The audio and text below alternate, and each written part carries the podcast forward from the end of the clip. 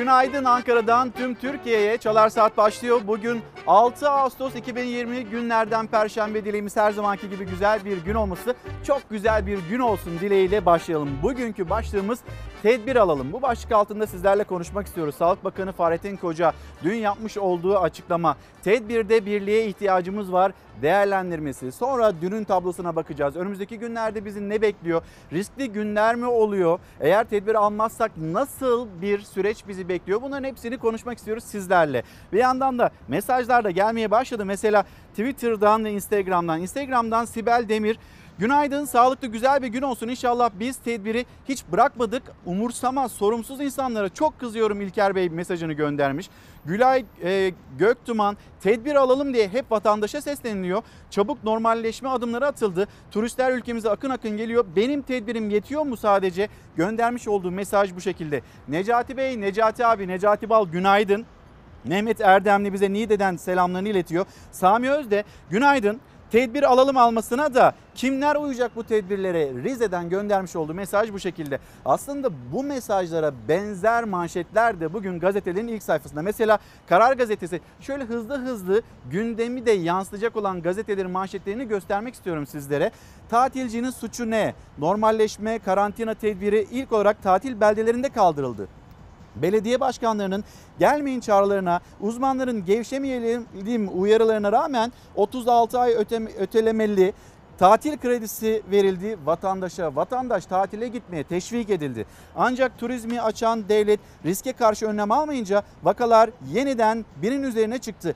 Vahim tablonun sorumluluğuysa kurallara uyulmadı denilerek tatilcilere yüklenildi. Şimdi bugün bütün Türkiye'de 81 ile de bunun yazısı gitti. Bütün Türkiye'de bir denetim gerçekleşecek ve belki de yeniden hani o kurallar, kurallar noktasında bir gevşemeyle karşı karşıya kaldık.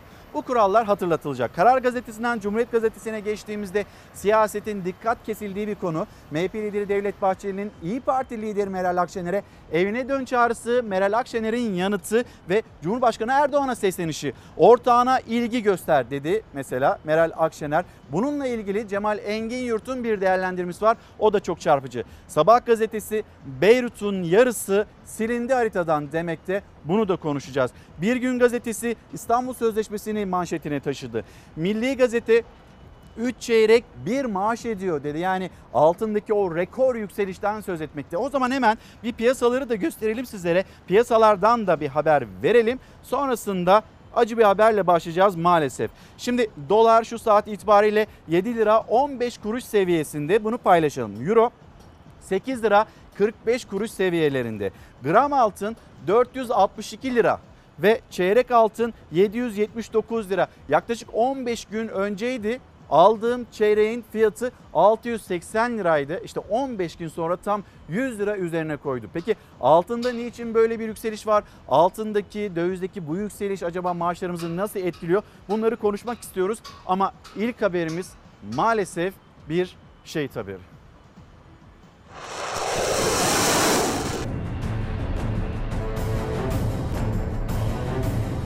Pençe Kaplan operasyonu bölgesinde teröristlerle girilen çatışmada bir güvenlik korucusu şehit oldu. Milli Savunma Bakanlığı duyurdu acı haberi. Güvenlik güçleri Pençe Kaplan bölgesinde teröristlerle sıcak çatışmaya girdi. Güvenlik korucusu Sait Üzmen o çatışmada yaralandı. Hastaneye kaldırıldı. Ancak yapılan tüm müdahalelere rağmen kurtarılamadı. Şehit oldu. Milli Savunma Bakanlığı açıklamasında bizleri derin bir acı ve üzüntüye boğan bu olayda hayatını kaybeden aziz şehidimize Allah'tan rahmet, kederli ailesine ve asil milletimize başsağlığı ve sabır dileriz ifadelerine yer verdi. Sağlık Bakanı Fahrettin Koca yapmış olduğu açıklama sosyal medya üzerinden hemen bir ekranlarınıza taşıyalım. Bugün Türk Tabipler Birliği Başkanı Sinan Adıyaman kendisini burada ağırlayacağız ve soracağız ne oluyor? Sizin sahada gözlemlediğinizle bu tabelalara yansıyanlar Vaka sayıları neden birbirini tutmuyor? Onlar ne söylüyor? Hangi uyarılarda bulunuyor? Yine konuşacağımız konular arasında yer alacak. Yeni hasta sayımız dün önceki güne göre 88 arttı. Ee, çarşamba ve perşembe günlerini düzeltiyorum. Salı ve çarşamba günlerini kıyaslıyor Sağlık Bakanı. Bugün ise düne göre 95 arttı. Son 24 saatteki test sayımız yaklaşık 54 bin. Toplam test sayısı 5 milyonu geçti. Bayram ve tatildeki riskin yeni sonuçlara yol açmasını önlemeliyiz. Tedbirde birliğe ihtiyacımız var. Fahrettin Koca'nın cümlesi ve manşeti. Bugünkü başlığımız tedbir alalım. Tedbir alalım. Bizler sürekli tedbir almak için elimizden gelen gayreti gösteriyoruz. Bir yandan işte yaptığımız yayınlarla o tedbirleri nasıl alınması gerektiğini bunları hatırlatmaya çalışıyoruz. Ama şöyle bir etrafımıza baktığımızda bu tedbirlerin alınmadığını ya da bir rehavetin olduğunu, bir gevşemin olduğunu da görüyoruz. Konuşmamız gerekiyor. Hasta sayısı 1178 olarak gerçekleşti. Yani 900 sayısı bir barem olarak karşımıza çıkıyordu. 900'ün altında eğer gerçekleşirse vaka sayısı şöyle bir şey yapabiliriz denilmişti. Mesela A planı olarak Milli Bakanlığı'ndan okulların tamamen açılması gündeme gelebilir. Şimdi biz o seviyelerin üzerine çıktık. 900'ün üzerine çıktık, 1000'in üzerine çıktık ve böyle bir durumda o okulları acaba nasıl açacağız? Çocuklarımızı okullara nasıl göndereceğiz? Herkesin merak ettiği konulardan bir tanesi bu. Ve yine Fahrettin Koca sağdan gelen veriler, kendilerinin paylaştığı veriler ya da işte hastanelerdeki Ankara özelinde yine konuşacağız bugün. Ankara, Gaziantep, Konya bu şehirlerde hatta Çanakkale bu şehirlerde vaka sayılarının arttığını görüyoruz diyor e, Türk Tabipler Birliği ya da Ankara Tabip Odası ve Fahrettin Koca'nın cümleleri de aslında buna dair Konya'dan bir bilgi veriyor. Servis yatağı doluluk oranımız %48, yoğun bakım doluluk oranımız %76, ventilatör doluluk oranımız %42. %100 doluluk iddiaları %100'e varan bir kasıt taşımaktadır. Hastalığı önemsiz gösterenlerle hastaneleri çaresiz gösterenlerin iddialarını dikkate almayın dedi Fahrettin Koca. Ve şimdi hemen Türkiye'nin koronavirüs tablosu. hızla normalleşiyorsanız ortaya problem çıktığında da bazı ekstra tedbirler almanız lazım. Bizde eksik olan o oldu. Koronavirüsle mücadelede oluşan rehavet tabloya da yansıdı. İlk kez 20 Mayıs'ta binin altında duyurulan vaka sayısı 4 Ağustos'ta yeniden 1000 rakamının üzerine çıktı. 5 Ağustos'ta ise 95 kişi daha artarak 1178'e ulaştı. 19 kişi hayatını kaybetti. Sağlık Bakanı Fahrettin Koca tedbirde birliğe ihtiyacımız var dedi. Sayı artışına neden olabilecek birçok sosyal olay yaşadık. Bunların etkilerini de hemen görmüyoruz. Mesela bayramın etkisini de genelde bir ay sonra falan göreceğiz. Enfeksiyon hastalıkları uzmanı Profesör Doktor Mehmet Ceyhan özellikle bayramın rakamlara yansıması için bir ay sonraya tarih verdi. Ama rakamlar her gün biraz daha ürkütüyor. 4 Ağustos'ta 1083 olan vaka sayısı bir gün sonra 95 kişi arttı. 29 Temmuz itibariyle yoğun bakım ve entübe hasta sayılarının da artık tek satırda toplandığı ağır hasta sayısı toplamı ise 582. Tabloya yeni eklenen hastalarda zatürre oranı da %8,4. Şu anda rakamlar sadece Sağlık Bakanlığı'nda var. Ve kimsenin elinde bir rakam yok. Dolayısıyla bir rakam olmadan bu rakamlar doğrudur, yanlıştır diye bir yorumda bulunmak çok zor. Diğer ülkelerde olduğu gibi Türkiye'de de bizim belirlediğimiz vaka sayısı Türkiye'nin toplam vaka sayısı değil zaten. Bu mümkün değil. Enfeksiyon Hastalıkları Derneği Başkanı Mehmet Ceyhan veri güvenirliği için Sağlık Bakanlığı'nı işaret etti. Ancak tespit edilen vaka sayısının 10 katı kadar hasta olduğunu söyledi. Bunu şöyle düşünmek lazım. Çok iyi tespit etseniz bile zaten bunun 10 katı kadar kişinin tespit edilemeden virüsü taşıyıp bulaştırdığını biliyoruz. Yani Profesör Doktor Ceyhan'ın hesaplamasına göre koronavirüs taşıdığı tespit edilemeyen 10 bine yakın kişi var Türkiye'de ve her biri hastalığı bulaştırmayı sürdürüyor. Bu aslında şu uyguladığımız normalleşme modelinin beklenen sonuçları. Daha fazla test yapmalıyız. Sağlık personeli, işte gişe ve danışma memurları, şoförler, garsonlar, uçaklarda kabin amirleri gibi çok kişiye bulaştırabilecek gruplara yönlendirmeliyiz. Test kriterlerinin değiştirilmesi çağrısında bir kez daha tekrarladı enfeksiyon uzmanı Ceyhan. Sokaklardaki tehlikenin altını rakamlarla çizdi. Özel grupların sıklıkla testinin yapılmasını istedi. Türkiye'nin koronavirüsle mücadelesi manşetteki haberimiz. Yine siyaset, siyasetteki gelişmelere bakacağız. Piyasalar kuşkusuz vatandaş siyasetine konuşursa konuşsun özellikle kendi cebine, kendi ailesinin bütçesine bakmakta ve giderek bu dolardaki, altındaki hareketlenmelerle birlikte ya da bu yükselişle birlikte cebindeki maaşın enflasyonla birlikte giderek azaldığını ya da eridiğini gözlemliyor. Şimdi akşam saatlerinde Dolarda, Euro'da bir hareketlenme, ileriye doğru, yukarıya doğru bir hareketlenme vardı. Şimdi şu saat itibariyle bir kez daha hatırlatalım. 7.15'lerden gerilere doğru çekilmekte. Şu anda dolar ve 7 lira 4 kuruş seviyesinde. Euro 8 lira 42 kuruş seviyesinde. Gram altın 462, çeyrek altın 779 lira seviyesinde. Peki bu nereye kadar devam edecek? Aslında herkesin değerlendirmesi yani koronavirüs, koronavirüsle ilgili bütün dünya Bir çağrıda bulunmak istiyorum. Ortayla ilgilensin. Ne zaman Sayın Erdoğan'ın ilgisi azalıyor, Sayın Bahçeli başta ben olmak üzere partime sardırıyor. Biz bundan bıktık. Lütfen ortayla ilgilensin. Siyaseti dalgalandıran Bahçeli'nin evine dön çağrısına ne cevap vereceği merak konusuydu. Bahçeli Akşener'e çağrı yaptı. Akşener Erdoğan'a. Sayın Akşener'in böyle gitmeyeceğini, böyle ittifak olmayacağını, olsa bile bir ayağının çukura düştüğünü görüp derhal ve çok kısa süre içinde evine dönmesi doğru ve tutarlı bir davranış olacaktır. Sayın Erdoğan, lütfen ortağınızı üzerimize sardırmaktan alın.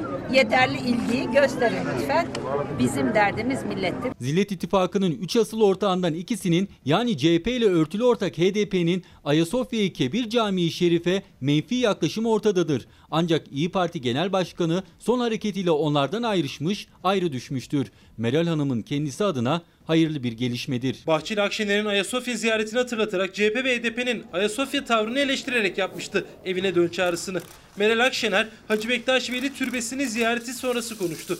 Bahçeli'nin sözleri için siyasi magazin de dedi, nezaketsizlikte. Evinde rahatı ve huzuru bulacaktır. İkbal ve İdbar arasında sıkışıp kalmak yerine kaldı ki zillete düşmektense evde olmak isabetli bir tercihtir. Sayın Bahçeli'nin en önemli özelliği kendisinin altını hız, e, ısrarla çizdiği nezaketidir. Esnafımızın, işçimizin, işsiz gencimizin pek çok sorunu varken milletin sesini duymak yerine o sese bir cevap vermek yerine e, siyasi magazinle e, meşgul olmasını da hiç hoş bulmadığımı ifade etmek isterim. bir vesileyle kopup giden her dava arkadaşımla helalleşmeye hazırım. Siyasi magazin konularında konuşmayı, siyasetçilerin ita amiri pozisyonunda parmak sallamayı siyasi nezaketle hiç uygun görmediğimi, bağdaştırmadığımı söylemek isterim. gel tekrar bana tabi ol gibi çağrıysa ki bu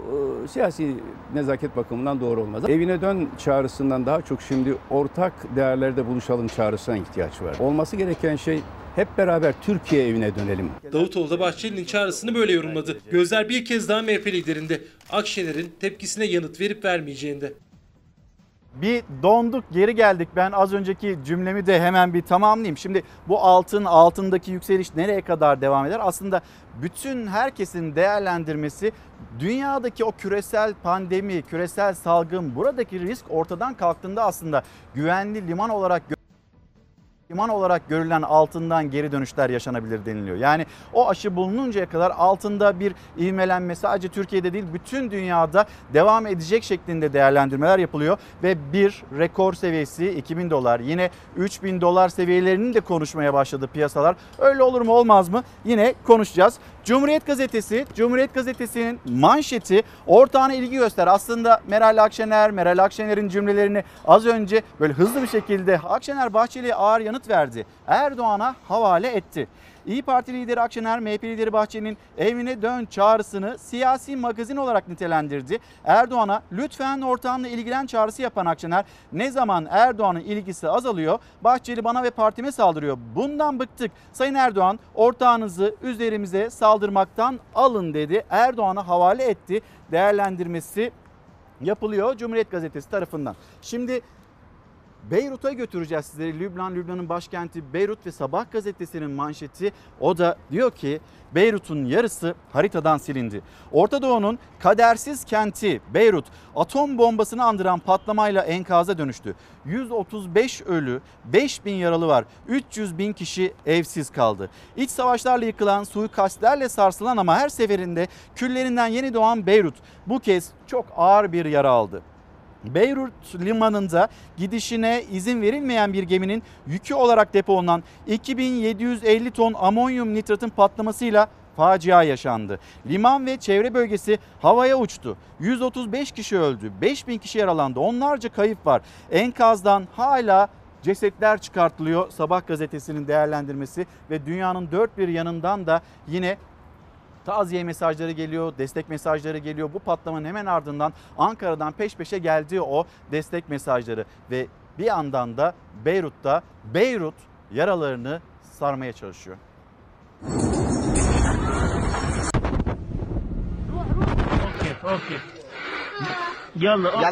Devasa patlamayla yaşadığı ev enkaza döndü. Tam 27 saat yaşam mücadelesi verdi. Saatler süren kurtarma çalışmalarıyla beton yığınlarının altından kurtarıldı. Küçük çocuk hayata böyle tutundu.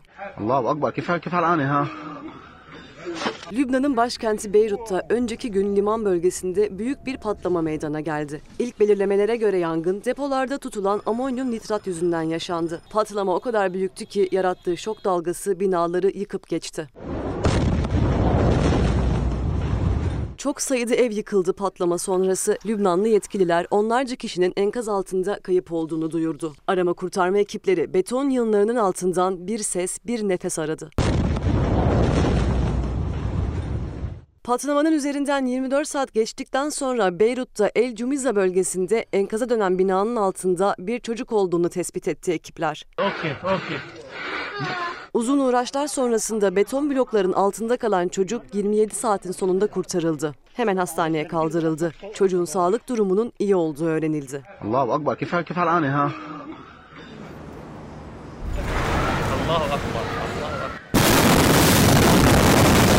Bu genç çiftin ise en mutlu gününde yaşandı patlama. Düğün günlerini ölümsüzleştirmek isteyen gelin ve damat çekimdeyken önce bir ses duyuldu. Ardından şok dalgasıyla ortalık savaş alanına döndü.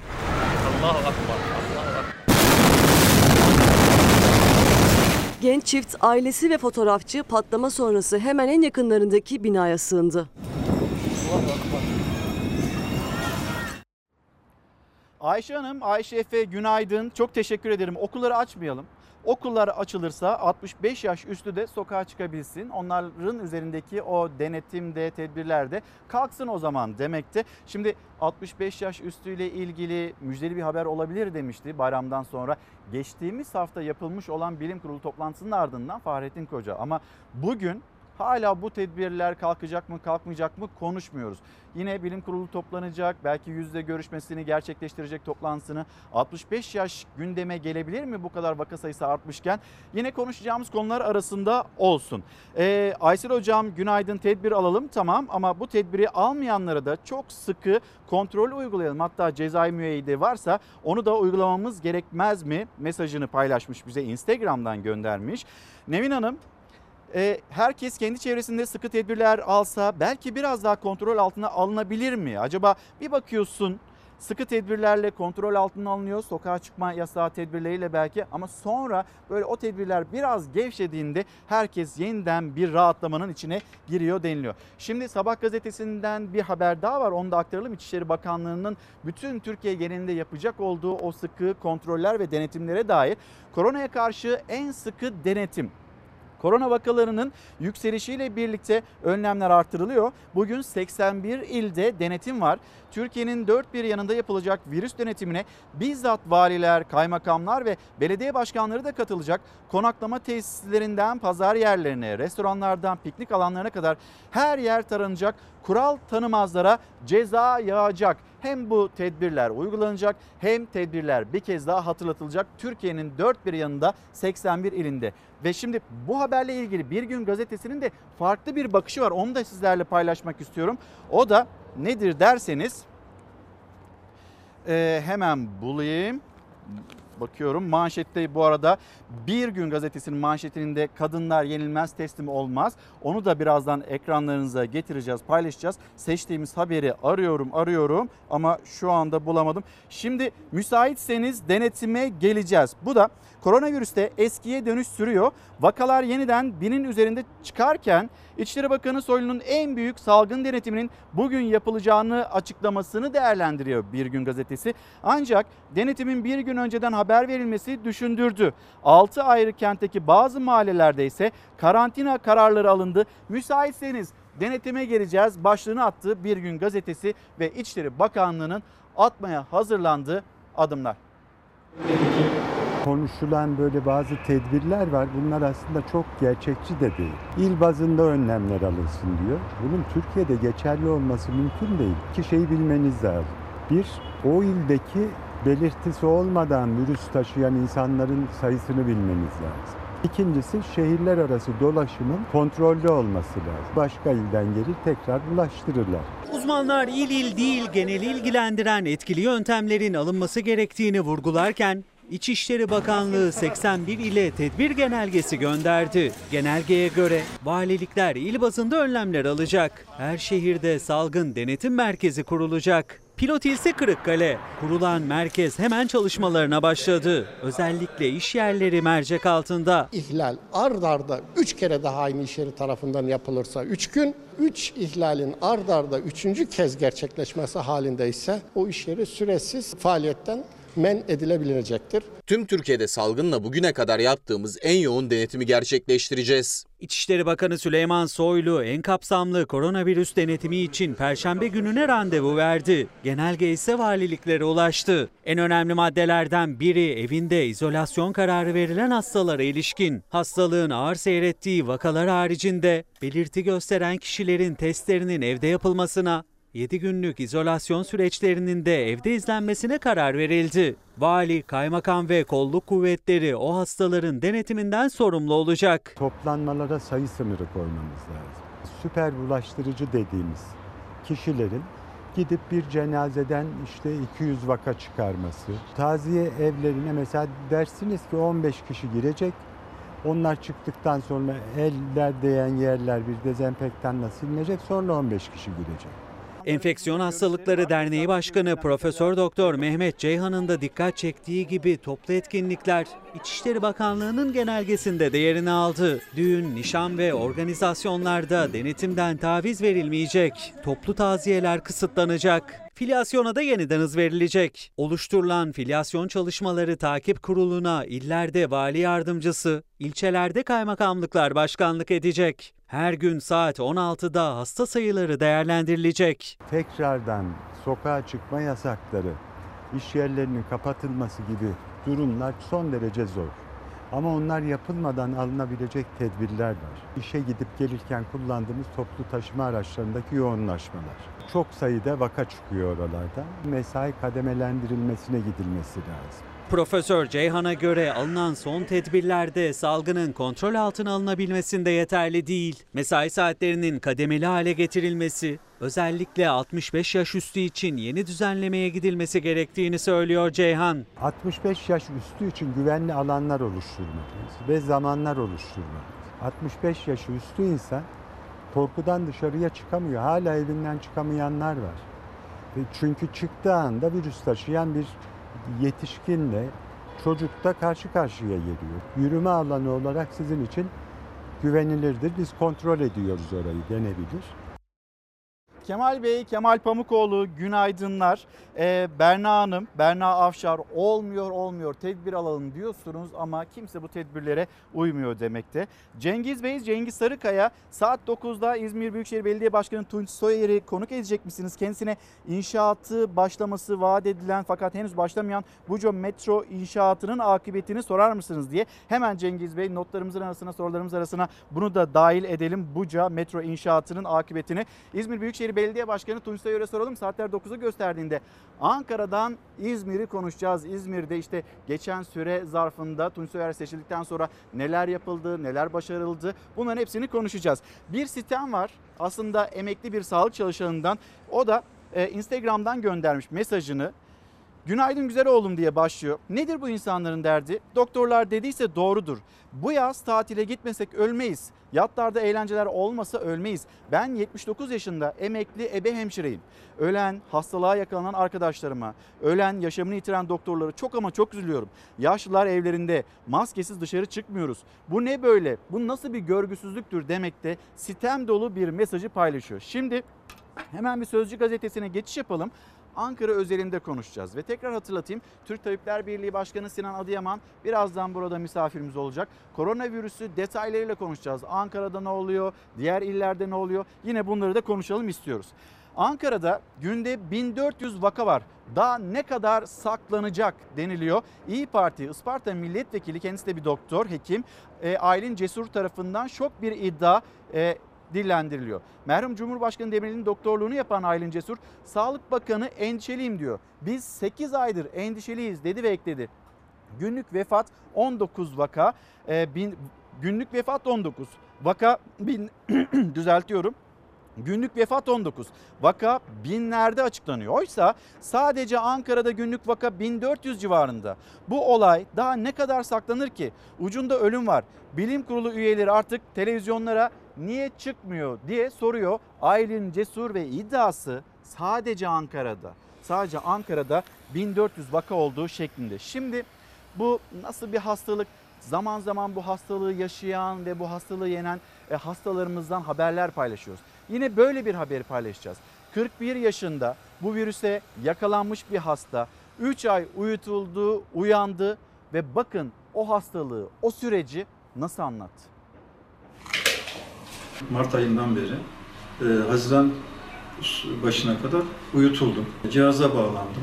E, ciddi bir tedavi süreci gördüm. Türkiye'deki ilk koronavirüs vakalarından biriydi. Hastalığı çok ağır geçirdi. 41 yaşındaki Muhammed Tanır sonunda virüsle mücadeleyi yendi ama vücudunda kalıcı hasar oluştu. Uyandırıldıktan sonra yaklaşık bu 2 ay, 2,5 ay yatma sürecinden sonra vücudumda deformasyonlar oldu.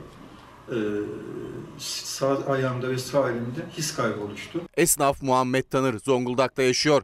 Virüse yakalandığında vücudu belirtiler göstermeye başladı. Ama bir hafta geçer diye bekledi Tanır. Sonrasında hastaneye başvurdu. Hemen yoğun bakıma alındı. Tam 3 ay boyunca uyutuldu. Solunum desteğine bağlı kaldı. Çok ciddi bir acı hissettim vücudumda. Yani hani akşam yatıp sabah kalkma gibi değil. Ee, vücudumda çok bir e, ağrılar hissettim, acılar hissettim e, halüsinasyonlar, işte kabuslar şeklinde geçti. E, zor bir süreçti. Uyutulma sürecim de çok zordu. Negatife döndüm fakat e, vücudum e, çok ciddi şekilde yıprandı bu noktada. Kullanılan ilaçlardan, cihaza bağlanmamdan kaynaklı da. E, çok bir zor süreçti. O virüsle savaşırken ailesi dışarıda endişe içindeydi. Ablası üzüntüye daha fazla dayanamadı. Kardeşinin iyileştiğini göremedi. Ortanca ablamı kaybetmişiz ben uyutulurken. Ee, tabii o da bana çok üzülmüş. Ee, şeker komasına girmiş. Hastalığı yenmesine rağmen elinde ve bacağında his kaybı oluştu Muhammed Tanır'ın. Yürümekte zorlanıyor. Hiçbir önlem almayanlara da kendini örnek gösteriyor. Bu korona hastalığı virüsü hiç dışarıdan göründüğü gibi değil. Kesinlikle e, kesinlikle maske, hijyen ve mesafe kuralına uyulmasını gerektiğini söylüyorum. Bunu bir bir çok ciddi atlatmış bir kişi olarak hatta vücudunda hasar kalmış bir insan olarak. Nesrin Hanım, Nesrin Arat günaydın. Bizler de İzmir'e selamlarımızı yollayalım.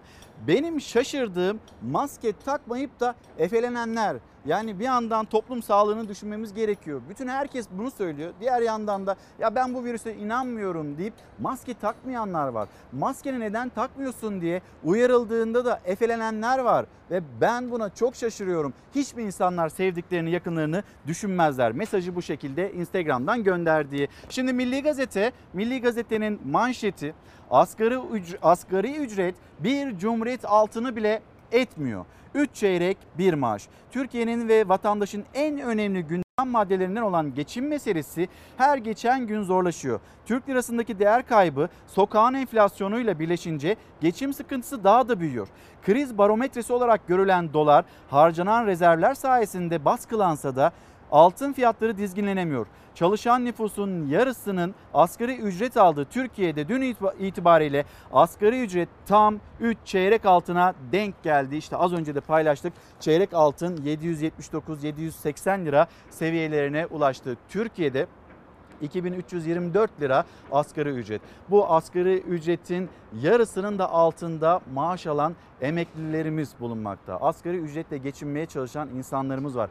Çalışanların yaklaşık böyle 50 milyon çalışan o 50 milyon çalışanın yine yarıya yakını belki daha fazlası asgari ücretle geçinmeye çalışıyor ve hayat giderek daha da pahalılaşıyor. Bakıyorsunuz TÜİK'in yapmış olduğu açıklamalara enflasyon seviyesi %11.76, %12 civarlarında deniliyor. Ama vatandaşın hissettiği geçen sene 100 liraya aldığını vatandaş ben bu sene 110 liraya alamıyorum ya da 120 liraya alamıyorum eleştirileri gelmekte. Ekonomi yine konuşacağımız konular arasında olsun.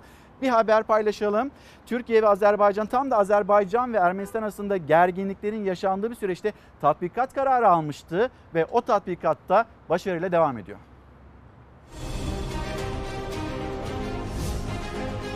Türk ve Azerbaycan birlikleri koordineli çalıştı. Temsili hedefler yerle bir edildi. Hem karada hem havada gerçekleştirilen ortak tatbikatta iki ülkenin silahlı kuvvetleri eğitimlerdeki görevleri başarıyla tamamladı.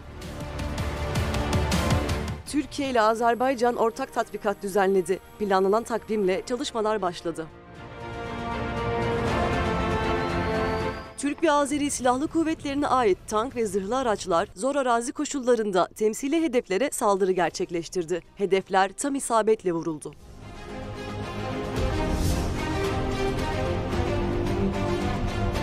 İki ülkeye ait askeri personel stratejik bölgeleri kurtarma eğitimine katıldı. Tatbikat büyük bir uyumla gerçekleştirildi.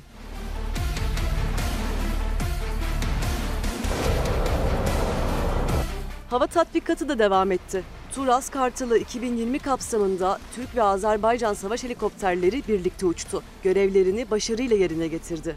Hava tatbikatına Türk Silahlı Kuvvetleri'ne ait atak helikopterlerinin de katıldığı görüldü. Defne Hanım, Defne Çelik günaydınlar. Her yer insan dolu. Sahiller, lokantalar, eğlence yerleri, AVM'ler. 3-5 kişinin tedbiriyle olacak bir durumu yaşamıyoruz biz. Herkesin kendisine gelmesi gerekiyor demekte. Tedbir alalım başlığı altında konuşuyoruz sizlerle. Bir mesaj daha var. Birazdan kendisini ağırlayacağız. Tunç Soyer Bey'e de sevgilerimizi iletelim diyor ee, izleyicimiz. Bakayım hemen isminizi görebilirsem onu da söyleyeyim ama ismi yok bir rumuzla yazılmış. Ee, Gültepe semtindeki kentsel dönüşümü sorabilir misiniz demekte. Ben hemen bunun da notunu alayım Gültepe kentsel dönüşüm diye. Şimdi hemen bir mola verelim reklamlara gidelim döndüğümüzde birkaç haber ve misafirimizi ağırlayalım. Bir kez daha günaydın efendim. Çalar Saat devam ediyor. Başlığımız tedbir alalım. Bana bir şey olmaz zihniyetli insanları eğitmediğim sürece hepimiz tehlikedeyiz. Tedbir alalım demekte bir izleyicimiz Twitter'dan. Ne olacak bu asgari ücretli EYT'linin hali? Zaten emekli olamıyoruz. Bir de altın, dolar, euro fırlıyor. Asgari ücret iyice eriyor. 2300 lirayla geçinmek mümkün değil. Hele İstanbul'da EYT'lilerin hali ne olacak? Tedbir alalım demekte Levent Atacan. Ve yine bir başka mesaj Alanya, Antalya Alanya'dan. Alanya'ya giderseniz durumun ciddiyetini anlarsınız. Kimse uymuyor. Tekne turları tıka basa dolu. Tedbir alalım demekte izleyicimiz. Ve bir öğretmenimiz, emekli öğretmenimiz Nesin Hanım o da sistem dolu bir e, mesaj paylaşmış, Instagram'dan göndermiş. Bu duyarsız insanlar yüzünden bütün hayallerimiz alt üst oldu. Eylül'ün 8'inde oğlumun düğünü var. Ne elim kalkıyor ne kolum kalkıyor. Bir oğlum bir kızım var. Her anne babanın en büyük hayalidir çocuklarının mürüvvetini görmek. Ama hayal istek kalmadı lütfen hem biz 65 yaş ve üzeri için hem de hayatını kaybeden sağlıkçılarımız için daha fazla dikkatli olalım. Yani 65 yaş elinden geldiğince dikkat ediyor. Gençlerimiz de lütfen rehavete kapılmasın. Sistem dolu bir mesaj öğretmenimizden, Nesrin öğretmenimizden gelmiş. Şimdi ekonomiyle devam edeceğiz. Az önce Milli Gazete'nin de manşetinde yer almaktaydı ve 3 çeyrek altın artık bir asgari ücrete denk gelmeye başladı ve bir bakalım altın fiyatlarına aynı zamanda da piyasalara. Kızım evlendi, çeyrek oğlum evlendi. Cumhuriyet bu ne ya? Hele Cumhuriyet hiç düşünemiyorum 3000 lira. Uçuyor.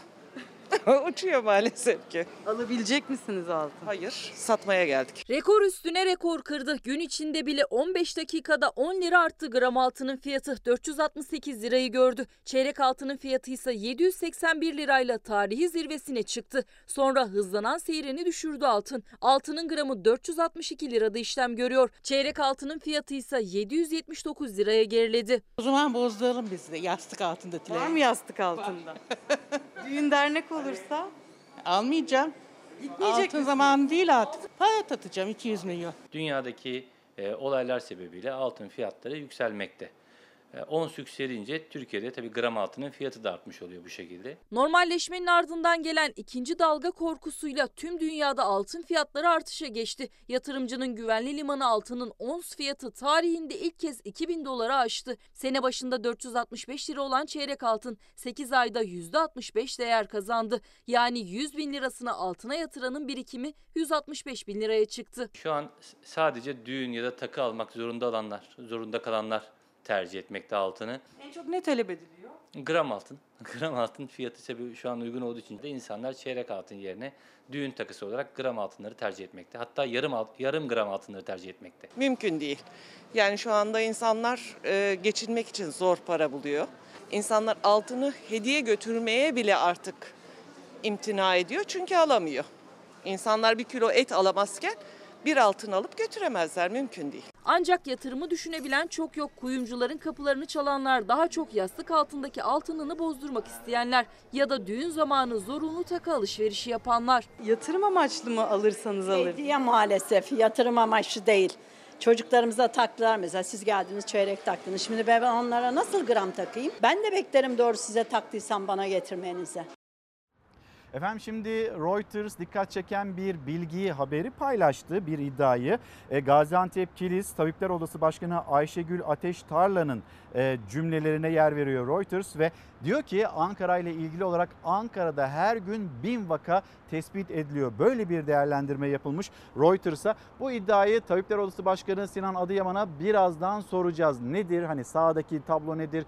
E, ve sizin elinizdeki veriler nedir? Ya da Sağlık Bakanlığı'nın açıklamış olduğu verilerin şeffaflığı ile ilgili endişeleriniz nelerdir diye kendisine az sonra sorumuzu yönelteceğiz. Ekonomiye bir bakış attık. Bir de isterseniz ayçiçeği üreticisi onların yaşadığı bir sorun aslında memleketin sorunu bu ve CHP milletvekili Okan Gaytancıoğlu'nun dikkat çektiği konu. Bu ayçiçekleri 15-20 gün sonra hasat edilecek. Türkiye petrolden sonra en fazla dövizi yağlı tohumlu bitkilere ve ayçiçeğine ödüyor. Yılda yaklaşık 800 milyon dolar, 1 milyar dolar civarında bir parayı Rusya, Ukrayna, Arjantin, Brezilya çiftçisine her yıl ödüyoruz. Bu sene çok güzel bir fırsat var. Neden? Artık bize ürün satmıyorlar. Bakın ithalat yapmak eskisi gibi kolay değil. Neden? Çünkü ülkeler kendi ihtiyaçlarını depolamak istiyorlar. İhracat yasakları var. Ruslar diyor ki biz artık dünyaya mal satmak istemiyoruz. Kendi ihtiyacımızı kendimiz gidermek istiyoruz. O zaman ne yapmamız lazım? O zaman üretimi arttırmamız lazım. Yani o eli nasırlı çiftçiye, alnı terli çiftçiye, o borçlu çiftçiye artık dönmemiz lazım. Geçen sene 2500 liraya aldım. Bu sene maliyetler arttı. İthalat fiyatları döviz arttı. %44 yağlı ayçiçeğine ben 3500 lira veriyorum demek lazım. Yılmaz Bey, Yılmaz Tosun günaydınlarımızı iletelim biz de Sivas Şarkışla Yahyalı köyüne ve bir yandan hani koronavirüs tablosuyla ilgili işte kendi yaşadıklarını anlatan izleyicilerimiz var. Duydukları kaygılar var. Bunlara bakmaya çalışıyorum. Hemen böyle haberler girdiğinde sizlerden gelen mesajlara bakmaya çalışıyorum. Bir yandan da e, İzmir Büyükşehir Belediye Başkanı Tunç Soyer az sonra yanımızda olacak. Kentsel dönüşümle ilgili yaşanılan problemler var. E, bunu hatırlatan izleyicilerimiz var. Ya da Karşıyaka, Bornova otobüsleri tek vesait istiyoruz diyen izleyicilerimiz var. O mesajlara da bakmaya çalışıyorum. Bir yandan da bir ambulans sesi e, gelmekte. Ambulansın sesi herhalde sizlere de ulaşıyor. Bakalım orada ciddi bir durum var mı yok mu onu da sizlerle paylaşırız. Şimdi sizleri bir yaşam zincirine götüreceğiz. Bu yaşam zincirinin kurulduğu yer de Sinop.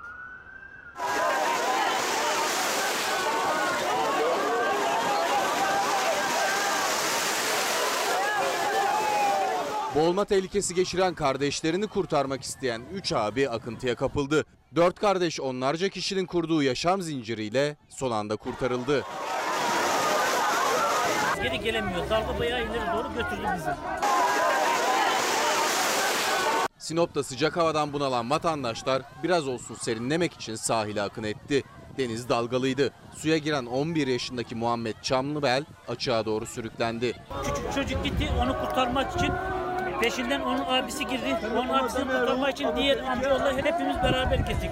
Kardeşinin suda batıp çıktığını gören abi İbrahim Çamlıbel kendini suya attı. Ardından iki kardeş daha suya girdi. Ancak sert dalgalar onları da açığa sürükledi. Kıntı çok gidemiyoruz. Bir geri geliyoruz, üç geri götürüyor dalga bizi. Bir saate yakın ki denizde dalgayla savaşıyoruz. Bir saate? Bir saat ama şükürler olsun Kendilerini bir anda can pazarının içinde bulan dört kardeşin yardımına vatandaşlar ve dalgıç polisler koştu. Kardeşler kurulan yaşam zinciriyle tek tek sudan çıkarıldı. Boğulmaktan son anda kurtarılan kardeşler ambulansla hastaneye kaldırıldı. Gönder gönder. Sağlık görevlilerimiz, ambulanslarımız hızlı bir şekilde bir hastaya ulaşmaya çalışıyor. Bu süreci o kadar yoğun bir şekilde götürüyor ki sağlık görevlilerimiz bir yandan bu pandemi süreci onu götürmeye çalışıyor. Diğer yandan elbette hastaneler, hastanelere başvuranlar var ya da acil bir şekilde ambulans isteyen e, vatandaşlarımız var. Onlara ulaşmaya çalışanlar var. Sağlık çalışanlarımızı alkışlıyorduk bu sürecin başlangıcında ama sağlık çalışanlarımızın özellikle aile hekimlerimizin yaşadığı problemler var, sıkıntılar var. Onları da ekranlarınıza taşıyacağız. Az sonra bir dünyanın dünyanın koronavirüs tablosuna bakalım.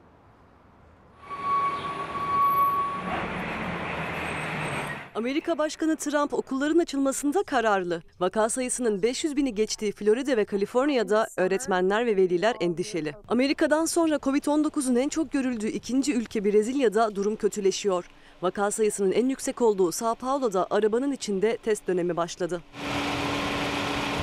Dünyanın koronavirüse mücadelesi tüm hızıyla sürüyor. Virüsle temas edenlerin sayısı 19 milyona tırmandı. Can kayıpları 700 bini aştı. Bugüne kadar 12 milyondan fazla kişi hastalığı yenerek sağlığına kavuştu. Amerika Birleşik Devletleri'nde vaka sayısı neredeyse 5 milyona ulaştı. Kaliforniya ve Florida'da virüsle temas edenlerin sayısı 500 binin üzerinde. Ancak Başkan Trump okulların Eylül'de açılması konusunda ısrarcı. Virüsün adına Çin virüsü demeye devam eden Trump, çocuklar virüsü kolay atlatıyor açıklamasını da sürdürüyor. Sebebi her neyse çocuklar Çin virüsüyle oldukça iyi başa çıkıyor. Virüs onları çok fazla etkilemiyor. Araştırmalara bakarsanız gençlerin bağışıklık sistemi çok güçlü. Washington'da okullar bölgelerdeki risk oranına göre açılacak. Düşük, orta ve yüksek riskli olarak ilan edilen bölgelerde orta ve yüksek riskte bulunan okullar online eğitime devam edecek. Florida valisi ise 500 bini geçen vaka sayısına rağmen okulların açılacağını duyurdu. Veliler ve öğretmenler valiyi durdurmak için mahkemeye başvurdu. Brezilya'da özellikle virüsün yıkıcı etkileriyle karşı karşıya gelmeye devam ediyor. Devlet lideri Bolsonaro kendi destekçilerini tamamen ayırarak virüse karşı umursamaz tavrını da sürdürüyor. Vaka sayısı ülkede 3 milyona yaklaşırken en kalabalık şehirlerden Sao Paulo'da arabada test dönemi başladı. Sürücüleri durduran sağlık ekipleri arabanın içinde COVID-19 testi yapıyor. Siyasetin sıcak çağrısı, siyaseti dalgalandıran bir çağrı. MHP lideri Devlet Bahçeli'nin İyi Parti lideri Meral Akşener'e evine dön çağrısı ve Sözcü gazetesi manşetinde Meral Akşener'in bu çağrıya yönelik olarak vermiş olduğu yanıtı taşımış. Akşener'den evine dön çağrısı yapan Bahçeli'ye yanıt siyasi magazin yapıyor. İlgi azalınca bize sarıyor. İyi Parti lideri Meral Akşener Bahçeli için Türkiye'nin birçok sorunu varken siyasi magazinle meşgul olmasını hiç hoş bulmuyorum dedi. Dün Nevşehir'deydi Meral Akşener evine dön çağrısı yapan Bahçeli'ye yanıt verdi. Ne zaman Erdoğan'ın ilgisi azalıyor Bahçeli başta ben olmak üzere partime sarıyor. Diyen Akşener şöyle konuştu. Türkiye'nin ekonomi problemlerinin olduğu bir dönemde milletin sesini duymak yerine siyasi magazinle meşgul olmasını hiç hoş bulmuyorum. Sayın Erdoğan lütfen ortağınıza yeterli ilgiyi gösterin dedi. Yani bu cephede tartışma devam ediyor. Bu tartışmayla ilgili bir başka isim Milliyetçi Hareket Partisi'nden ihraç edilen Cemal Engin O da ses yükseltti ve Cemal Engin dün katıldığı bir programda e, Meral Akşener'e yönelik olarak bu çağrının yapılmasını doğru bulmadığını. Çünkü Meral Akşener'in Milliyetçi Hareket Partisi'nin Meral Akşener'in asıl evi olmadığını söyledi ve sonrasında gelen cümleleri hem siyasete dair hem Milliyetçi Hareket Partisi'nin yöneticilerine dair çok sertti. Bana göre çağırmamalıydı. Neden? E çünkü Meral Akşener'in evi değil. Doğru diyor Meral Akşener. MHP Meral Akşener'in evi değil ki.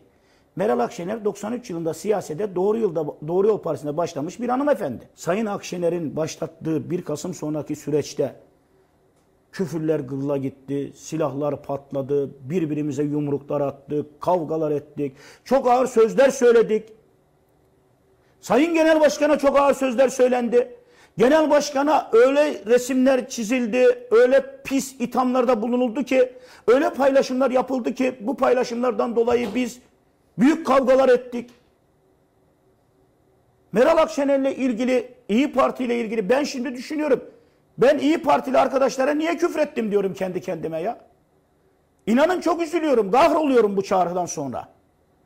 Hakikaten kahroluyorum bu çağrıdan sonra ya. Çıldırasım geliyor. Benim Musavat Dervişoğlu ile ne problemim vardı? Benim Koray Aydın'la ne problemim vardı o zaman? Benim Meral Akşener'le arsa davam, kan davam mı vardı? Ben Meral Akşener kongreyi kazandığında 19 Haziran tarihinde 755 imza ile kazandığında ben mahkemeye verdim Milliyetçi Hareket Partisi'ni ve ben iptal ettirdim kazandırdıkları kongreyi. Ben iptal ettirdim o kongreyi kazanmıştı. Ben niye bu kavgalar ettim o zaman? Benim Türkiye'deki arkadaşlarım niye kavgalar etti? Partiyi niye bekledik? Bakın MHP Genel Başkan Yardımcısı Semih Yalçın. Biz yönetime adam yazarken şu iyi Parti'yi paylaşmış, şu Meral Akşener'le resim paylaşmış diye yönetime yazdığımız adamları almıyordu bir dönem. Şimdi aynı Semih Yalçın Meral Akşener'i karşılayan, Meral Akşener'e konvoy yapan, Meral Akşener'in bayrağını asanları partiye il başkanı yapıyor, ilçe başkanı yapıyor. O zaman derdiniz neydi kardeşim? Bizi mi milletle kötü ettiniz? Bizi mi millete saldırttığınızda mahallenin delisi mi yaptınız bizi? Bizim söylediğimiz sözlerin itibarı olmasın. Bunlar kavgacı, gürültücü diyerek bizi mahallenin delisi mi yapmak istediniz? O zaman ben de size Allah'a havale ediyorum. Yani Sayın Akşener'le ilgili FETÖ'cü denildi. Bölücü denildi. Yıkıcı denildi. Siyasi ayağı araştırılsın, yurtta sulh konseyi diyenler sorgulansın denildi. Her şey söylendi Sayın Akşener için. Ama hayatını 41 yıldır bu davaya vermiş Cemal Engin Yurt'u Tarım Bakanı'nı eleştirdi. Fındığa sahip çıktı diye attınız evden. Meral Akşener'i eve davet ettiniz. Olmuyor. Ben olsam etmezdim. Ama Sayın Genel Başkan'ın takdiri Semih Yalçın millete mesaj atıyor. Efendim diyor biz onu sadece Tarım Bakanı'na söylediği laftan dolayı atmadık. Biz onu uyardık, disiplinsiz davranışlarından dolayı attık. Semih Yalçın Allah'tan kork. Benim disiplinsiz davranışlarım arasında sana sahip çıkmak da var. Bunu nasıl söylüyorsunuz ya? Nasıl vicdanınız el veriyor buna ya? Ben bir babayım ya. Ben bir evladım ya. Ben bir Türk milliyetçisi, ülkücüyüm ya. Hayatımı bu harekete verdim ya. Attınız attınız. İftira niye atıyorsunuz ya? Attınız kardeşim zaten. Bitti artık MHP milletvekilliği. Ülkücü Türk milliyetçisi ordu milletvekiliyim. Niye iftira atıyorsunuz kardeşim? Delikanlı olsana. Adam olsana. Efendim siyasetin gündeminden şöyle bir yerel yönetimlerin gündemine geçiş yapacağız. Başkent Ankara'da bir İzmir havası alacağız. İzmir Büyükşehir Belediye Başkanı Tunç Soyer şu anda Çalar Saat'te konuğumuz. Efendim günaydın. Günaydın. Hoş geldiniz. Teşekkür Nasıl buldunuz ederiz. Ankara'yı, havasını? Ankara sert sıcak ama şu nokta özellikle olağanüstü güzel. Yani etrafa bakınca o çorak bozkır Ankara'yı değil tam tersine yemyeşil bir Ankara'yı görüyorsunuz. Çok hoş. Çok güzel. İnşallah bir yükseklik korkunuz yok. Yok, Ben yok, buraya gayet iyi. ısrarcı olduk buraya çıkarttık ama. Yok çok memnun oldum. Sağ Efendim olun. şimdi e, Yavuz Bey çok mesaj geliyor tabii İzmir'den, İzmirli izleyicilerimizden sizden beklentiler var ya da işte e, verilen vaatler, sözler var. Hı hı. Bunlar ne aşamalarda? Bunu merak eden izleyicilerimiz var. Mesela Yavuz Bey İzmir'den günaydın diyor. Neden mangal yakma yasağı gelmiyor diyor. Çünkü Evet. İzmir e, ve çevresi maalesef ülkemizin aslında hemen her bölgesinde bu orman yangınları konusu bununla ilgili ne Evet. yapılıyor merak edenler var. Pandemi sürecini siz nasıl geçiriyorsunuz? Bir yandan böyle bu vaka sayıları İzmir'de Evet. durum nedir? Evet. E, diğer yandan e, esnafın beklentileri var. Evet. Bunu konuşalım istiyoruz. E, başıboş sokak hayvanları var. Bunu ne Evet, yapacağız evet. diye soran izleyicilerimiz. Buca metro inşaatı e, ne aşamada, nasıl Evet. devam edecek diyen izleyicilerimiz. Gültepe kentsel dönüşümü, Balçova'da arsa mağdurları. Bolca Güzel. mesaj var Akşama aslında. kadar beraberiz o zaman. beraberiz. Yani bu sorunların çözüm için siz Tamam. hani bir yolculuğa çıktınız İzmir Tamam. Büyükşehir Belediyesi'nde. Arka sıradakiler, ön sıradakiler hani onları bir buluşturma Evet. vaadiniz var. Hı hı. Böyle siyasetin de dışında tutmaya çalışıyorsunuz İzmir Evet, e, doğru. meclisini, belediye meclisini. Nedir şu anda Ee, durum? o zaman Arka sıradakiler, son- ön sıradakiler. En, en son cümleden başlayayım. Yani e, biz Büyükşehir Belediye Meclisi'nde kararların e, %95'e yakınını oy birliğiyle alıyoruz. E, Cumhuriyet Halk Partisi grubunun kahir bir ekseriyeti var, büyük bir çoğunluğu var mecliste ama nicel çoğunlukla karar almak istemiyoruz. O nedenle verinin ışığında, bilginin ışığında karar almak istiyoruz ve bu da birbirimizi ikna süreçlerine zaman ayırıyoruz. Faaliyet raporumuzun e, görüşülmesi 10 saat sürdü. Büyükşehir saat. Meclisi'nde 10 saat e, tüm detaylar konuşuldu. Herkes konuştu. Her fikir masaya yatırıldı. Kısacası e, buna emek harcıyoruz, zaman harcıyoruz ve ortak bir akıl ortaya çıkartmaya gayret ediyoruz. Birlikte e, karar almaya gayret ediyoruz. O nedenle de e, %95'i hangi siyasi partiden olursa olsun arkadaşlarımız oy birliğiyle karar alıyorlar. Yani birbirini dinleyerek, birbirini Aynen, bu anlayarak, mümkün, bunu görüyoruz. ihtiyacını böyle gidermeye çalışarak bir meclis kurmaya çalışıyorsunuz. Tam da böyle bakın İlker Beyciğim bizim en büyük ihtiyacımız demokrasi. Yani bugün içinde bulunduğumuz sorunların da temelinde demokrasi var. Geleceğimize ışık tutacak, aydınlatacak ve parlak bir geleceğe taşıyacak olan şey de demokrasi. Demokrasi de aslında bir arada yaşamayı başarmak demek. Farklılıkları bir zenginlik unsuru olarak kabul etmek demek. O nedenle biz demokrasiye çok değer veriyoruz, çok önem veriyoruz ve farklı seslerin dillendirilmesi için de her türlü platformu, her türlü imkanı, aracı gereci kullanıyoruz. Meclisteki yaptığımız iş bu. Ama sadece mesele Büyükşehir Meclisi'ndeki bu ittifak, bu e, ortak kanaat oluşturma çabasından ibaret değil. Biz İzmir'de bir kent ittifakından e, bahsediyoruz. İzmir'de tüm kentin dinamiklerini bir çatı altında buluşturup birlikte sorunlarımıza çözüm arayışı içine girdik. Şu çok açık, siyasetin e, kuralları, dinamikleri bizi birbirimizden uzaklaştıran ve aslında Her seviye... konumuz bunu söylüyor efendim. Evet. Yani siyasetin dili, siyasetin bu Kültürü, kadar böyle doğru. ayrıştırıcı söylemleri, sert söylemleri her gelen siyasetçi bunu söylüyor. Evet. Ama neticede karşı karşıya kaldığımız manşetler, açıklamalar yine bu yangına e, körükle gidiyor. körükle gidiliyor. İşte tam da bu nedenle belki de çözüm yerel yönetimlerde o nedenle. Çünkü tüm yerel yöneticiler Türkiye'de seçildikleri andan itibaren rozetlerini bir tarafa koyarlar ve işte herkesin belediye başkanı olmaya çalışırlar. Bu ne demek? İşte o siyasetin sığlıklarına, o siyasetin kutuplaştırmalarına düşmek istemezler. O nedenle çözüm yerelde. Biz de yerelde benzer bir şey yapmaya çalışıyoruz. Bizi birbirimizden uzaklaştıran, bizi birbirimizden ayıran o siyasi tuzaklara düşmeyip kentin ortak menfaatleri doğrultusunda bir araya gelmeye Bunun bir gayret adı var ediyoruz. mı? Kent İttifakı diyoruz. Yani bunun içinde İzmir Ticaret Odası da var, Sayın Valimiz de var, Ege Bölgesi Sanayi Odası da var, meslek odaları var, dernekler var. Bakın bir örnek vereyim size. Biz bu pandemi sürecinde bir e, kriz yönetimi kurduk. Adına da kriz belediyeciliği dedik e, dönemi tanımlarken. Ve bu kriz yönetimi aslında e, işte kent konseyi, meslek odaları, baro, tabip odası birçok STK'dan temsilciyle e, her pazartesi haftaya beraber başladık.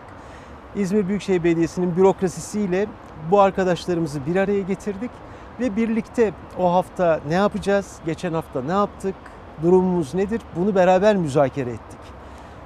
Kısacası biz eğer bizi ayıran bu e, siyasi e, araçlardan, siyasi söylemlerden uzaklaşabilirsek kentin gücünü, dinamiklerini çok daha efektif bir biçimde kullanmaya başlıyoruz. O zaman da kente çok daha verimli, çok daha faydalı olmaya başlıyoruz. Bu herkes için geçerli, hepimiz için geçerli. Ee, ve siz bunu ilk ve en kıymetli e, vaat olarak görüyorsunuz. Çok bunu doğru. %95 seviyesinde başarmış olmak da Evet. önemli, kıymetli değil mi? Aynen öyle çünkü başka türlü bu kentin gücünü ıskalıyoruz. Biz eğer bir araya gelmezsek, gücümüzü birleştirmezsek o yapacağımız mücadele zayıflıyor. Hele ki pandemi gibi küresel bir büyük afet karşısında eğer biz güçlerimizi birleştiremezsek işte o zaman onunla mücadelede yetersiz kalıyoruz. Bir örnek vereyim size. Bir kampanya başlattık. Dedik ki pandemi sürecinde hem sağlık nedeniyle hem ekonomik nedenlerle büyük sorunlar yaşanıyor. Ve biz bu sorunlarla başa çıkmak için tabii ki kentin tüm dinamiklerini seferber etmeye çalışıyoruz. İşte Büyükşehir Belediyesi'nin bütün imkanlarını pandemiyle mücadeleye Kırsal ayırdık. kalkınmayı da buna dahil Tabii ediyorsunuz tabii buna değil mi? dahil ediyoruz. Ama dedik ki bununla başa çıkmak için gücümüzü birleştirmek mecburiyetindeyiz. Ee, ve gelin bu ihtiyacı olan vatandaşlarımıza tüm İzmirli'nin e, gücünü aktaralım. Yani ihtiyacı olanla gücü olanı buluşturalım. Ve biz e, açtığımız kampanyayla binlerce, on binlerce gıda paketini vatandaşlarımızın bağışı olarak aldık. Ama bu bağışı biz almadık. Doğrudan doğruya o ihtiyacı olan vatandaşlarımıza taşıdık. Rakam vereyim size 207 bin haneye biz gıda paketi taşımışız. Her bir hanede 4 kişi varsa yaklaşık İzmir nüfusunun %20'sine biz gıda paketi ulaştırmışız. Binlercesinin e, su faturasını ödettik. İşte askıda faturayla uygulamasıyla. Şimdi yeni bir uygulama başlattık. Askıda kitap uygulaması. Vatandaşlarımız e, kitap okusun istiyoruz. Kitap okumanın güzelliğini keşfetsin, bunun tadına varsın. O nedenle 500 kitaplık bir paket hazırladık ve vatandaşlar askıya kitap çıkartıyorlar artık. 3 kitap, 5 kitap, 10 kitap neyse. Böylece e, ihtiyacı olan gençlerimiz, kitap alamayan vatandaşlarımız e, askıdan kitap alarak e, kitap okumaya başlayacaklar. Şimdi bunu bir başarı olarak da belki söylemek yanlış olmayacak. Çünkü içinde bulunan durum ekonomik anlamda sıkıntılı Evet. bir süreçten bahsediyoruz. İşsizliği Hı konuşuyoruz, hayat pahalılığını, enflasyonun yüksek olmasını Evet. konuşuyoruz. Dolardaki, dövizdeki o yükselişleri de konuşuyoruz. Ama bir yandan da işte bu yardım kampanyalarını siz aracı olarak e, vatandaşa ulaştırmaya çalışıyorsunuz. Burada Aynen. bir başarı öyküsü var, mıdır yok yani mudur? bu sonuçta tüm İzmirlilerin İzmirli olmakla iftihar ettiği bir şey. Çünkü e, biz birbirimize sahip çıkmayı keşfettik tekrar.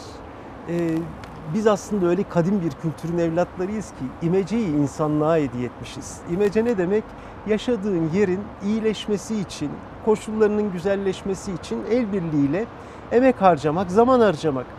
Bunu insanlığa biz hediye etmişiz. Şimdi bundan biraz uzaklaşmışız. İşte bu vesileyle, bu pandemi vesilesiyle biz tekrar bunu keşfettik. Komşusu açken tok yatmayan bir millet olduğumuzu tekrar keşfettik. Dolayısıyla şunu söylemeye çalışıyorum. Pandemi felaketi bize birbirimize sahip çıkmayı, birbirimizle omuz omuza olmayı, kol kola girmeyi ve soruna karşı birlikte mücadele etmeyi öğretti. Ve e, inanılmaz hikayeler var. Yani çok vaktinizi almak istemem burada ama Anlatmak istediğiniz, hepimizi duygulandıran, çok duygulandıran bir hikaye yani varsa dinleyelim. Muazzam hikayeler var. Yani e, Hopa'dan çay gönderdiler mesela.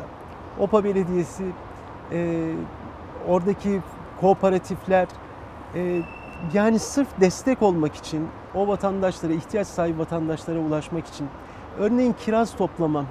Yani bizim e, Kemalpaşa bölgemiz İz- e, Türkiye'nin kiraz e, hasadındaki en yüksek rakamlara sahip olan ilçesi. E, fakat kiraz hasadı mevsimi geldiğinde dışarıdan gelen geçici işçiyle yapılabiliyor. Çünkü miktar çok büyük. Mevcut köylü yetmiyor o hasadı yapmaya. E, pandemi sırasında dışarıdan geçici işçi gelmesine imkan yoktu biliyorsunuz Evet. kentler arası ulaşımda. Biz gençlere bir çağrı yaptık. Yüzlerce gönüllü genç geldiler her gün sabahın altısında yola çıkıp Kemalpaşa'da üreticiyle buluşup onun hasadına yardımcı oldular. Ve Öyle güzel bağlar kuruldu ki e, o çocuklar onları kendi ailesi gibi bellediler. O aileler o çocuklara sahip çıktılar. Yani size anlatamayacağım. Bu da tam sizin yapmak iyilik hikayeleri. istediğiniz. Tam da böyle. Şimdi o çocuklar bir kere üretmek ne demek, toprak ne demek bunu gördüler. Alın teri ne demek, e, üreticimiz ne koşullar altında çalışıyor, ne yaşıyor. Bütün bunları gördüler. Üreticimiz üniversitede okuyan genç çocuklarla buluştu ve onların yüce gönüllülüğünü gördü. Onlar sahip çıktılar çünkü o ürünün ağaçta kalmasına mani oldular. Hakikaten ekmek parasına destek çıktılar. Kısacası bu dayanışma hikayeleri bizim hem çok yüce bir millet olduğumuzu gösteriyor. Çok yüce gönüllü insanlardan, çok yüce gönüllü bir kültürden geldiğimizi gösteriyor. Hem de bu tür afetler karşısında daha ne kadar büyük gücümüz olduğunu gösteriyor. Dolayısıyla e, bu pandemi sürecinin bize verdiği en büyük derslerden biri biz birbirimize muhtacız, bizim birbirimize ihtiyacımız var. Yeter ki şu bir kafamıza dank etsin.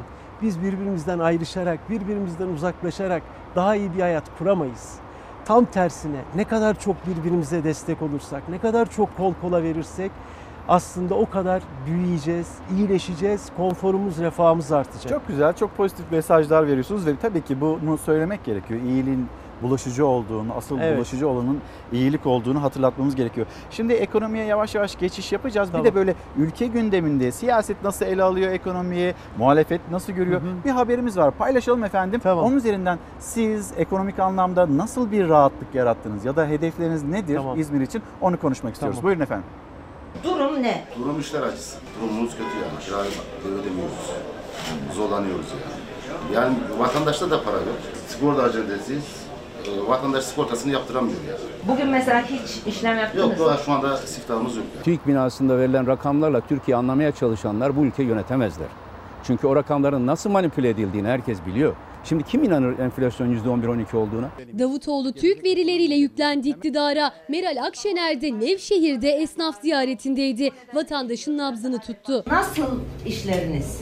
İşler iyi değil abla ya. Korona bizi mahvetti yani. Onu soruyorum. 3 ay içinde millet veya bazı çiftçiler çok perişan yani. Sen çiftçi misin? Bıraktım. Vay be. 2 ay oldu. Bu koronada gidince mallarımı devreden çıkarttım. Şimdilerde baktığınızda bir canlanma görülüyor ekonomide. Ne yolla? Kredi yoluyla. Ülkeyi bir uçuruma götürüyorsunuz. Yapmayın. Para basıp bunları krediye dönüştürürseniz bir müddet sonra kredi zedeler çıkacak Türkiye'de bakın. Her şey pahalandı bir de abla hiçbir şeyin önüne geçemiyoruz yani. Müşteri nasıl? Müşteri düştü abla ya. Müşteri gelmiyor. Koronavirüse bulaştı. Korkudan geldi. Aynen öyle. Mesela bu koronaya yönelik ne tür yardımlar olması gerekiyordu? Eksik var mı? Vallahi bizi düşünmediler yani. Akşener hangi esnafla konuşsa dert işitti. Ahmet Davutoğlu da ekonomik tabloda sistemin de payı var dedi. Cumhurbaşkanlığı sisteminden sonra amatör kümeye düşürdüler bu ülkeyi. Evi yanan insanlar var. Ekonomik yangında Ekonomik olan anlamda. insanlar var. Şimdi e, tablo böyle, siyaset böyle görüyor. İşte iktidar cephesine baktığımızda rakamların çok pozitif olduğu söyleniyor. Evet. Siz İzmir'den İzmirlileri dinlediğinizde görüntü nasıl? Valla hiç iyi değil. Yani bir kere onu, onu söyleyeyim. Yani bize CV ile başvuru yapan, e, özgeçmişini getirerek işe girmek isteyen 165 bin kişi oldu an itibariyle. 165 bin kişi. Bu İş resmi başvurusu. iş başvurusu yapan bizim web sayfamızda. Ya size anlatamam. Saatlerce kapının önünde bekleyip CV'sini bana bizzat elden vermek isteyenler. Ya içiniz parçalanıyor ve çaresizsiniz. Yani o binlerce, on binlerce insana iş vermemize imkan yok. İzmir Büyükşehir Belediyesi'nde 30 bin çalışan var. 5 tane daha İzmir Büyükşehir Belediyesi açsak hala o ihtiyacı karşılayamayız. Ne yazık ki İzmir Büyükşehir Belediyesi de aslında bir fabrika değil zaten. Kısacası çok büyük bir işsizlik sorunu var. Ee, Çok yıpratıcı, çaresizliğe itmiş durumda insanları Ee, ve burada da çok büyük bir sıkıntı var. Hem pandemi süreciyle iyice tetiklenen hem e, uygulanan ekonomi politikalar nedeniyle tırmanan bir yoksulluk ve bir işsizlik var. Şimdi burada bizim yaptığımız şey yerel yönetim olarak bu işsizliğin kaynakları nelerdir? Bu yoksullaşmanın sebepleri nelerdir? arayışıyla başladı. Nasıl bir çözüm bulunabilir? Ya da sizin kere- başlattığınız, başarmaya Öncelikle- çalıştığınız, belli ölçüde de başardığınız Evet. e, tarımsal kalkınma. Tam da oradan başlamak Buyurun. istiyorum. Özellikle de bunu söylemek istiyorum. Bir kere bizim e, İzmir için söyleyebilirim, Ege bölgesi için söyleyebilirim. Bizim tarım alanlarımız var. İzmir, Ege aslında e, tam bir tarım coğrafyası ve dünyanın belki en bereketli topraklarına sahip.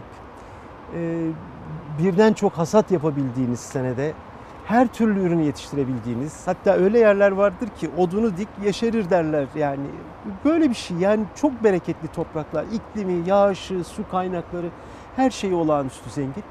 Dolayısıyla bizim önce buna bir kafa yormamız lazım dedik. Çünkü ben kendi çocukluğumdan hatırlıyorum bizim e, öğretmenlerimiz böyle bize derlerdi ki biz kendi kendine yeten ekonomisi olan dünyadaki 7 ülkeden biriyiz. E, yerli malı haftaları yapardı öğretmenlerimiz. Masaların üstü donanırdı Maalesef ailelerin artık, e, gönderdikleriyle. hep ithalat. Bunu İşte onu söylüyorum yani bir fecaat, bir büyük ka- kabus bu. Akıl alır gibi değil. Çünkü o topraklar orada duruyor. Güneş tepemizde, o yeraltı suyu kaynakları her şey olduğu gibi var aslında. Tarım neden? aralığı konuşuyor musunuz? İşte tabii canım yani ama burada şimdi Konuşmak yeterli olmuyor. Yeterli değil. Yani çok yanlış tarım politikaları var. Yani şimdi patates e, ithal ediyorsunuz. Patatesi ithal ederken vergiyi sıfırlıyorsunuz. Muazzam bir haksız rekabet yapıyorsunuz kendi üreticinizle. Kendi üreticinize o vergi indirimini uygulamıyorsunuz. Tunuslu üreticiye uyguluyorsunuz, Fransız üreticiye uyguluyorsunuz. Dolayısıyla da kendi üreticinizle haksız rekabet yapıyorsunuz ve kendi üreticinizin ürettiği patatesi pazarlama imkanını ortadan kaldırıyorsunuz. Kısacası biz bu tarım meselesine kafa yormaya başladık. Aslında ben Seferihisar Belediyesi'nde e, çalışırken de aynı şekilde e, bu mesele benim öncelikli meselemdi. Dört temel ilkemiz vardı. Birincisi üreticiyi mutlaka kooperatif çatısı altında buluşturmak. Tarım ürününü mutlaka dönüştürüp sanayi ürününe çevirmek. Mutlaka e, pazarlama konusunda, ambalaj konusunda e, teknolojiyi ve e, yeni tasarımları önüne açmak e, ve yerli tohuma sahip çıkmak. Bu dört başlık altında çalıştık hep. İzmir Büyükşehir Belediyesi'nde göreve başladığım andan itibaren de yine bu dört ilkeyle yola devam ettik. Ee, çok fazla uzatmadan sadece belki birkaç tane başlık söyleyerek Buyurun kapatayım. Mesela önümüzdeki hafta e, Kınık ilçemizin e, Dündarlı köyünde ve Bergama ilçemizin Dağıstan köyünde 73 manda dağıtımı yapacağız. Bir kadın kooperatifi kurduk. Bunun ilkini Selçuk'ta yapmıştık. Manda aslında ana vatanı Anadolu olan bir hayvan ve biz yok etmişiz. İtalya'ya gitmiş. İtalya manda sütünden mozzarella yapmaya başlamış. Sonra biz o mozzarella peynirini satın almaya başlamışız. Akıl alır gibi bir hikaye değil. Şimdi biz İzmir mozzarellasını yapmaya başlıyoruz. Yerli tohuma sahip çıkıyoruz. Seferihisar'da bir avuç tohumla başlattığımız kara kılçık buğdayının bugün İzmir'in Menemen'in ovalarında, Ödemiş'in ovalarında Tonlarca oldu. o bir- bir tonlarca, yüzlerce dönüme çıktı. Üreticimizin kooperatif çatısı altında örgütlenmesine gayret ediyoruz. O ürünün dönüştürülmesi için mücadele ediyoruz. Pandemi döneminde bakla, bezelye, patates, enginar bütün bunları üreticiden satın aldık tonlarla. 65 ton e, bakla aldık, 200 ton patates aldık, bezelye aldık. Neden? Çünkü ürününü pazarlayamıyor üretici. Ama bizim diyelim ki 65 ton bakla almamızla onun satış rakamının e, artık belirlenmesine, regüle olmasına e, imkan yaratmış oluyoruz. Tüccar onun altından gelip satın alamıyor. Biz de o baklayı o hazırladığımız gıda paketlerine koyarak ondan mahrum kalan arka sıralarda yaşayan vatandaşlarımıza baklayı, taze dalından kokmuş baklayı ulaştırma imkanı buluyoruz. Kısacası Böyle mi eşitleyeceksiniz? Hani ha, buyurun lütfen ee, tamamlayın. Bütün mesele şu.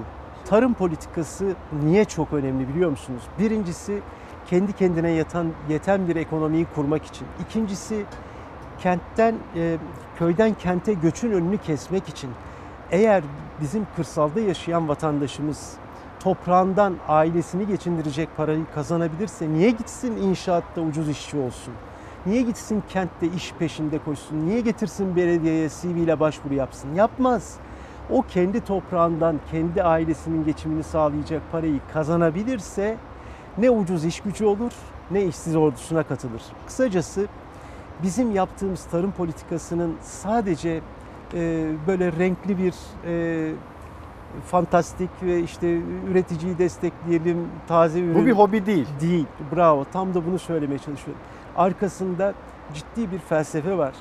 Bizim kırsalımıza sahip çıkmamız lazım. Hem kadim kültürümüzü korumak için hem bu toprakların bereketinden insanlarımızı yeteri kadar faydalandırabilmek için hem de dışarıya muhtaç olmamak için. Yani e, siz aldığınız her patateste, her tohumda, her domateste aslında bu memleketin geleceğine ipotek koyuyorsunuz. Geleceğini engellemiş oluyorsunuz. Peki efendim arka sıralarla ön sıraları Bunun denklemenin de Hı formülü bu mu sizin gözünüzde? Öncelikle bu ama yine demokrasiye bağlayacağım. Asıl mesele bir kentte yaşayan herkesin o kentin nimetlerinden eşit derecede faydalanabiliyor olması lazım. Eğer böyle bir eşitlik yoksa o kentin geleceği de yoktur. O kent geleceğe emin adımlarla yürüyemez ve geleceği aydınlık değildir. O kentte yaşayan herkes, o kentte doğan, büyüyen, ekmeğini kazanan herkes o kentin yarattığı iklimden, yarattığı ekonomiden, yarattığı nimetten, ranttan eşit paydayı almak mecburiyetindedir. Biz o yüzden kentsel dönüşümden bahsedilmiş. Evet. Onunla ilgili birkaç cümle Hemen o söyleyeyim. sorularımızı da yöneltelim aslında. Balçova'nın arsa mağdurları olduğunu hatırlatan izleyicilerimiz var. Gültepe'nin kentsel dönüşüme ihtiyacı Kentsel olduğunu dönüşümü hemen söyleyenler var. söyleyeyim. Kentsel dönüşüm konusunda belki Türkiye'nin hiçbir yerinde olmadığı kadar iddialı bir sürece giriyoruz. Geçmişte yapılan çalışmaları da aslında taçlandıracak. Bugünden itibaren bir milat diyorsunuz Aynen öyle. Bu müjdeyi vereyim. Ee, özellikle e, şu anda birinci etabında Uzundere'de yaptığımız kentsel dönüşümün birinci etabında 341 konut tamamlanarak e, hak sahiplerine teslim edilmişti. Örnekköy'de yine birinci etapta 619 konutun tamamlanması, e, inşaatının tamla, inşaatı tamamlandı ve bunlar da önümüzdeki günlerde e, tamamen hak sahiplerine aktarılacak. Biz şimdi yeni 5 bölgede 308 hektar alanda kentsel dönüşüm ihalelerine çıkmaya başlıyoruz. Bir tanesine çıktık. Önümüzdeki günlerde İzmir'in tam göbeğinde Ege Mahallesi vardır. Roman vatandaşlarımızın en yoksullarının yaşadığı yerdir. Alsancak arkasıdır bu. Aslında şimdi tam kent merkezinde ve tam bir sefalet e, yaşanır. Orada mesela e, bütün projeleri tamamlandı. Hak sahiplerinin belediyeyle e, mutabakatı sağlandı. E, kentsel dönüşüm ihalesine çıkıyoruz. Bizim kentsel dönüşüm ihale mantığımız bir takım müteahhitlere, bir takım yatırımcılara rant sağlamak değil. Tam tersine oraya Türkiye'nin neresinden, hangi bölgesinden gelmiş olursa olsun hayatını kurmuş, yaşamaya başlamış insanlarımızın hakkını korumaktır. Komşusuyla beraber kentsel dönüşümü yaşamaktır. Kentsel dönüşüm sadece betonun, inşaatın yenilenmesi demek değildir. İnsanıyla beraber dönüşmesidir. İnsanı yok saydığınız bir kentsel Mahalleler dönüşüm... dağılmayacak Aynen öyle. İnsanı yok saydığınız bir kentsel dönüşümün adı kentsel dönüşüm falan değildir. O rant yaratmaktır. O yeni bir takım şi- şirketleri, müteahhitleri koruma çabasıdır. Bizde öyle değil. Biz sadece belediye olarak orkestrasyonunu, bu işin koordinasyonunu sağlıyoruz. Müteahhitle vatandaşımızın buluşmasını sağlıyoruz ve her ikisinin de hakkını koruyoruz. Ama vatandaşı müteahhide ezdirmiyoruz. Bizim kentsel dönüşüm anlayışımızın özeti bu. Arka mahallelerde yapacağımız en, en yeni uygulama bu. Bir de tabii bu metroyla da birleştirmiş olayım. Aslında arka mahallelerde metrosu. Buca metrosuna da bağlayayım. E, arka mahallelerin ulaşımı da bizim önceliğimiz.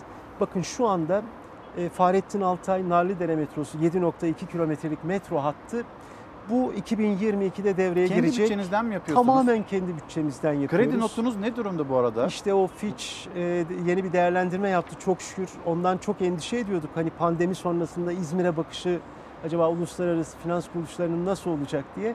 Çok şükür alnımızın akıyla çıktık. AAA olarak e, teyit ettiler. Önünüzü açtı o zaman bütçe Tabii anlamında. yani o çok büyük bir rahatlık doğrusu. E, bu bizim uluslararası finans kuruluşları nezdinde e, gücümüzün hala devam ettiğini, aynı noktada olduğunu gösteriyor. Borç, borçlanma kabiliyetimizin Uluslararası varlığını finans gösteriyor. kuruluşları İzmir'e, İzmir'in potansiyeline güveniyor. Güveniyor. Metrodan devam edelim efendim. Evet yani bu Narlıdere metrosu 7.2 kilometrelik Narlıdere metrosu pandemi döneminde de durdurmadık. Aynen devam ettik. 2022'de de hizmete açacağız. İki tane yeni e, raylı sistemimiz var. Bir tanesi Buca metrosu. Onun müjdesini de buradan vermiş olayım. E, uluslararası ihale için e, çağrıya çıktık. Ekim-Kasım ayında da ihale gerçekleşecek. 4,5 yıllık bir süresi var. E, imalat süresi var ama biz e, yürüdükçe istasyonlar açıldıkça hizmete sokacağız. Yani e, 4,5 yıl bekletmeyeceğiz vatandaşlarımızı. E, bu, bu aslında bütün o yukarı e, mahalleler, arka sıradakiler dediğimiz vatandaşların e, sadece ulaşımın önünü açmış olmayacak. O yaşam kalitesini yükseltecek metronun oraya taşınması. Konforla birlikte istihdam Aynen projesi öyle. aynı zamanda. Aynen öyle. 1 milyar 70 milyon dolar bütçesi var bu metro hattının. İzmir tarihinin en büyük yatırımı ve biz İzmir Büyükşehir Belediyesi olarak giriyoruz. Yine bir başka güzel haber, e, Karşıyaka tramvayını Çiğli'ye uzatan 11 kilometrelik tramvay hattının da e, ihalesini yaptık. E, o da 600 milyon liralık bir proje, büyük bir proje. O da e, yine ön sıralardan arka sıralara e, o tramvayın ve işte o konforun taşınması anlamına geliyor. Özetle arka sıradakilere önceliğimiz asla değişmeyecek.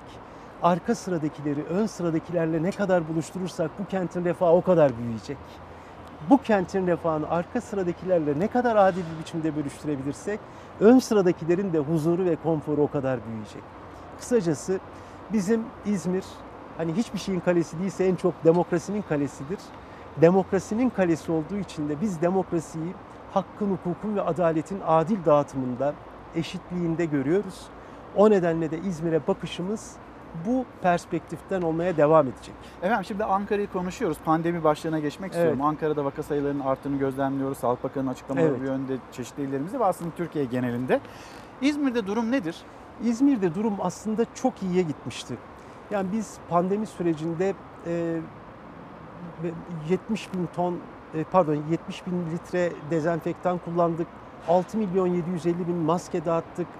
E, yani Maskeyi çok ücretsiz dağıttınız, Tabii maskematikler üstelik kurdunuz maskematik galiba. kurduk. Doğru söylüyorsunuz. Ee, yani en hijyen ve en yaygın biçimde maskenin dağıtılması için e, yöntemler keşfettik. Türkiye'nin dünyanın hiçbir yerinde olmayan bir şeydi o. Ee, sonra İtalya ihracatını yaptı arkadaşlar o maskematiklerin. Ee, şunu demeye çalışıyorum. Gerçekten çok e, istikrarlı ve düzenli, başarılı bir mücadele sergiledik. Çünkü hatırlayın ilk günlerde en yüksek ikinci il durumundaydı İzmir. Onlar geride kaldı ve hep işte bu e, mücadeleyle, kent ittifakıyla birlikte mücadele ederek e, bunu gerilettik. Yayılım hızını hafiflettik, vaka Ama sayısını. şimdi şimdi tekrar Günlük vaka sayısını merak ediyorum. Biliyor musunuz? aslında Haziran ayında sıfıra indi. Yani bizim e, koronadan vefat sayısı sıfıra indi. E, çünkü biliyorsunuz mezarlıklar dairesi bize bağlı ve biz her gün definleri takip ediyoruz. E, vefatları takip ediyoruz.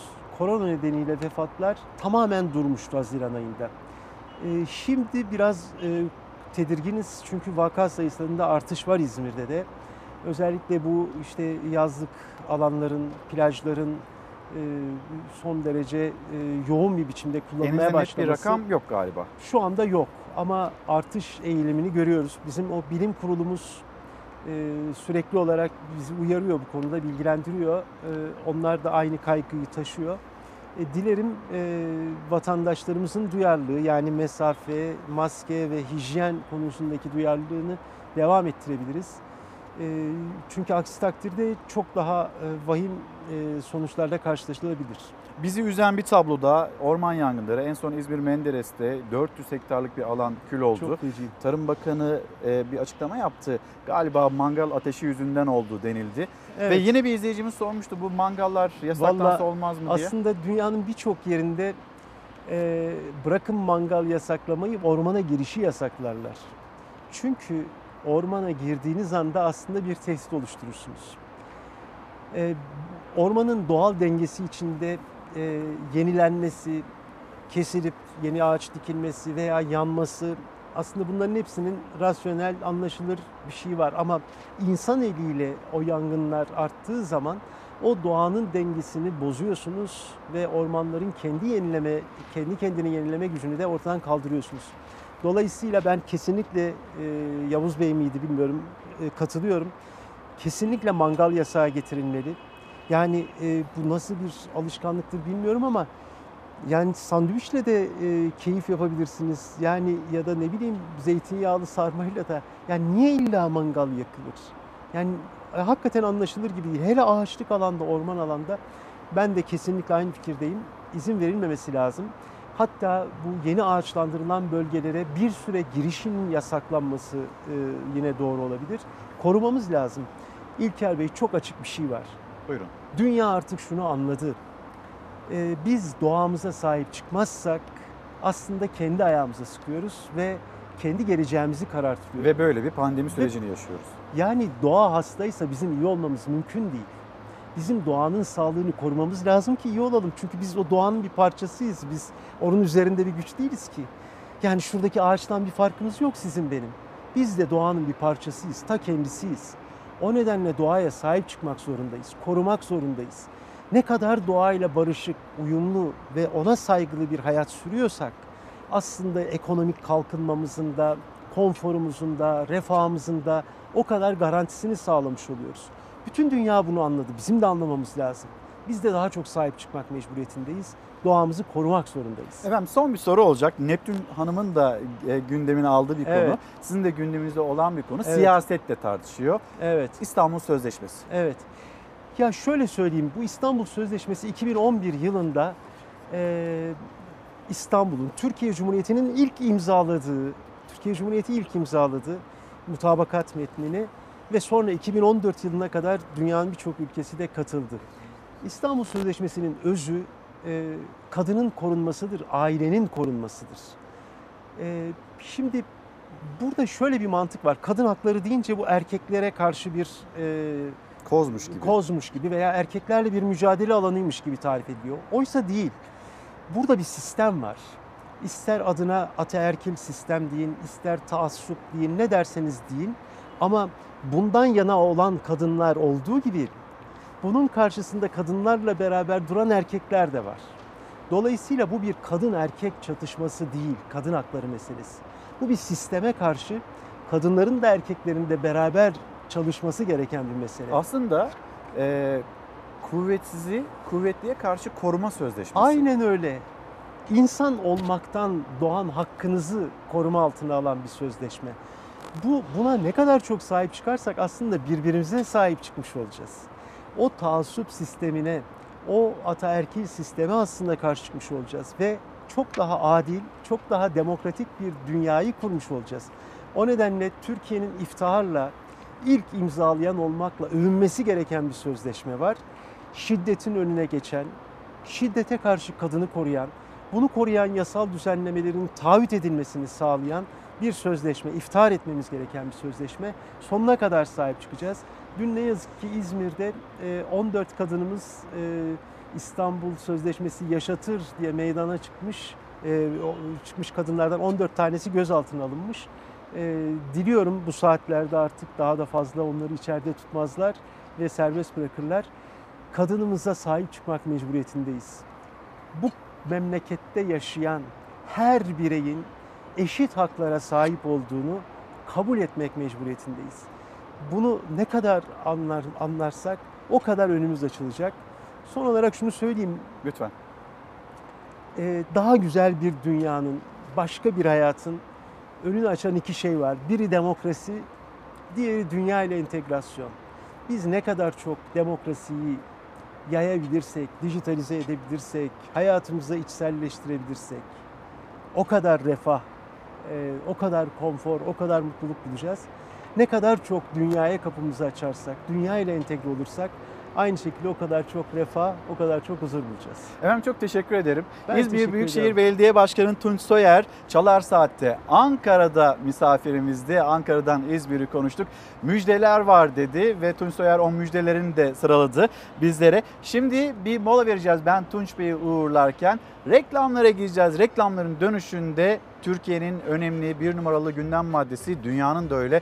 Koronavirüs ve Türk Tabipler Birliği Başkanı Sinan Adıyaman'la bunu konuşmak istiyoruz. Bir mola, dönüşte burada buluşalım. Efendim bir kez daha günaydın. Devam ediyoruz. Türk Tabipler Birliği Başkanı Sinan Adıyaman şu anda misafirimiz. Efendim günaydın. Günaydın. Hoş geldiniz. Hoş bulduk. Şimdi e, bir tarafıyla tabloya yansıyan vaka sayıları var ama bakıyoruz Türk Tabipler Birliği onların değerlendirmesi ya da paylaştığı veriler arasında e, çelişkiler var. Hatta sayısal olarak da ciddi bir fark var. Sadece Ankara için mesela e, iddia edilen vaka sayısı 1400'ün üzerinde demekte. İyi Parti Isparta Milletvekili Aylin Cesur ki aynı zamanda kendisi de bir hekim. Ankara'da günde 1400 vaka var. Daha ne kadar saklanacak diye bir seslenişi var. Şimdi sizin görüşünüz nedir, düşünceniz nedir, elde ettiğiniz bilgiler nedir? Bu bilgileri nasıl derliyorsunuz, topluyorsunuz? Bunu sormak istiyorum size. Ama önce bir Ankara'dayız. Ankara'dan gerçekleştiriyoruz yayınımızı. Ankara üzerinde tablo nedir? Paylaşalım, öyle başlayalım sohbete. Şu anda e, pandemi hastanesi olarak çalışan hastanelerde yoğun bakımlar e, neredeyse hasta kabul edemeyecek durumda. Hatta hastaların bir kısmı sedye üzerinde bakılıyor. İlimizde hasta patlaması olduğu ve sağlık altyapımızın çöktüğü gibi sonuçlar çıkarmak gerçekle bağdaşmamaktadır. İlimizde halen pandemi kontrol altındadır. Resmi bir rakam açıklanmadı ama vaka sayılarında en hızlı artışın yaşandığı illerin başında geliyor Ankara. Yoğun bakımlarda doluluk oranları ise tartışmanın başlığı. Sadece başkentte günlük vaka sayısı bine yaklaşıyor diyen Ankara Tabip Odası yoğun bakımlar %100 dolu iddiasını bir kez daha ortaya atarken Ankara İl Sağlık Müdürlüğü bu iddiayı hem yatak hem de yoğun bakımlardaki doluluk oranlarını paylaşarak yalanladı. Ankara ilinde bugün itibariyle hastane yatak doluluk oranı %50, yoğun bakım yatak doluluk oranı ise %63'tür. Verilen oranlar pandemi hastanesi e, olmayan, Covid hastası bakmayan tüm özel hastaneleri, üniversite hastaneleri, kamu hastanelerini içeren bir şekilde e, verilen sayılar. Ankara'nın en büyük hastanesi 16 yataklı yoğun bakım servisleri 8 yatak daha eklenerek 24 yatağa çıkarılmış durumda. Ankara'da yoğun bakımda şu an doluluk oranlarımız %67 oranında. Sağlık Bakanı 5 gün önce yoğun bakım doluluk oranlarına %67 demişti. İl Sağlık Müdürlüğü %63 olarak revize etti. 28 ve 30 Temmuz tarihli iki ayrı yazıda hastanelere klinik yataklarının en az %50'sinin Covid için ayrılması, acil olmayan ameliyatların ve yatışların ertelenmesi, ağır vakalar dışında Covid belirtisi gösteren ve onlarla temaslı kişilerin testleri ve tedavilerinin evlerinde yapılması talimatlarına da değindi İl Sağlık Müdürlüğü açıklamasında. Ankara Tabip Odası da muhalefet de o talimatlar kırmızı alarmın kanıtı demişti. Kurban Bayramı sonrası göz önüne alınmış ve Covid-19 hastalarında ilave yatış ihtiyacı dikkate alınarak sunulacak hizmet kapasitesinin artırılması yönünde sağlık kuruluşlarımız uyarılmıştır. Ankara İl Sağlık Müdürlüğü bayram nedeniyle vaka ve hastaneye yatış sayılarında bir artış öngörüldüğünü de açıkça dile getirdi açıklamasında. Ankara Tabip Odası'na göre kamu hastanelerinde yatacak yer yok. Birçok kamu hastanesi yoğun bakım e, kriterleri taşıyan hastayı diğer e, hastanelere sevk ediyor ancak hastalar orada bile e, yatırılacak yer bulamayabiliyor. Dolayısıyla biz e, Ankara e, genelinde yoğun bakım doluluk oranlarının %100 olduğunu hala ifade ediyoruz. Ankara Tabip Odası iddiasında ısrarcı. İl Sağlık Müdürlüğü ise Ankara'da salgın kontrol altında diyor. Efendim sorularınızı yakalayabilmek için tabletimi de elime aldın. Şimdi Ankara İl Sağlık Müdürlüğü bu iddiaları doğrulamıyor, yalanlıyor. Yine Sağlık Bakanı Fahrettin Koca'nın açıklaması var. %100 doluluk iddiaları %100'e varan bir kasıt taşımaktadır. Hastalığı önemsiz gösterenlerle hastaneleri çaresiz gösterenlerin iddialarını dikkate almayınız şeklinde. Şimdi bugüne eklenen yeni bir açıklama yine Türk Tabipler Birliği'nden gelmekte. Tabipler Odası Başkanı'ndan gelmekte. E, Gaziantep Vekilisi'nin Ayşegül Ateş Tarla. Ankara'da her gün vaka sayısı bin demekte. Sizdeki veriler nedir? Siz bu verileri nasıl elde ediyorsunuz? Son durum Türkiye için ve Ankara için nedir? Tabii. Ee, şöyle söyleyeyim, biz dün akşam Türk Tabipleri Birliği olarak bir Zoom toplantısı yaptık. Ee, tabip odaları yöneticilerimize, başkanlarımız, genel sekreterlerimiz ve yöneticileriyle beraber. Ee, bazı odalar katılamadı belli sebeplerden ama onlar da bilgileri yolladılar bize. 26 odamız e, bu toplantıya katıldı ve oradan aldığımız bilgiler ki zaten biz bu bilgileri her zaman alıyorduk ve e, haftalardır söylüyorduk. E, bize gelen bilgilerle o tabloda hani bir e, bir e, tablo her akşam açıklanıyor ya rengi turkuaz rengi. O, o, o, o tablodaki rakamlar birbirine uymuyor diye açıklıyorduk. Ne kadar uymuyor? Ee, oldukça fazla uymuyor. Yani şimdi bir rapor hazırlıyoruz zaten. Biz cumartesi günü ya da pazartesi günü bu raporu e, kamuoyuna bir basın toplantısı açıklayacağız. E, bizim dikkatimizi çeken şey şu olmuştu. Hep bunu söyledik. Yani Dünya Sağlık Örgütü her zaman test yapın, test yapın, test yapın diyordu. Ve e, vakaları bulun e, ve temaslarını da bulun, onları ayırın diyordu. Türkiye'de bir test miktarında azalma başlamıştı. 40 binlere düştü. Yani %22 oranında düşmüştü. Buna bağlı olarak da %23 oranında sadece o e, e, test bakılan hastaların yüzde 23 hastalarda azalma olmuştu. Biz hep şunu söyledik. Sadece PCR testi pozitif olan hastalar yok. PCR testinin belli bir oranı var. Yüzde 60-70 oranında tüm dünyada. E, bir de hasta olduğunu bilmeyen ama ortalıkta dolaşan saatli bomba gibi ki şu son bayram tatilinde bu çok önemli oldu bence. E, o insanlar dolaşıyorlar ve bu hastalığı yayıyorlar. Bunun bir oranı var mı? E, yüzde e, yaklaşık yüzde 60 oranında e, pardon yüzde 80 oranında hasta olduğunu bilmeyen insan var. Bu hep başından beri söylüyoruz ya. Bu hasta COVID-19 hastalığının yüzde 20'si semptom veriyor, hastaneye gidiyor. Yüzde 80'i de yüzde 80 de yüzde 20'si yani yüzde 20 hafif bir semptom veriyor, hafif grip gibi, soğuk algınlığı gibi. Yüzde 60'ı hasta olduğunu bilmiyor. Bunlar ortalıkta dolaşıyor. 60 mı 80 mi efendim? 60. 60. 60.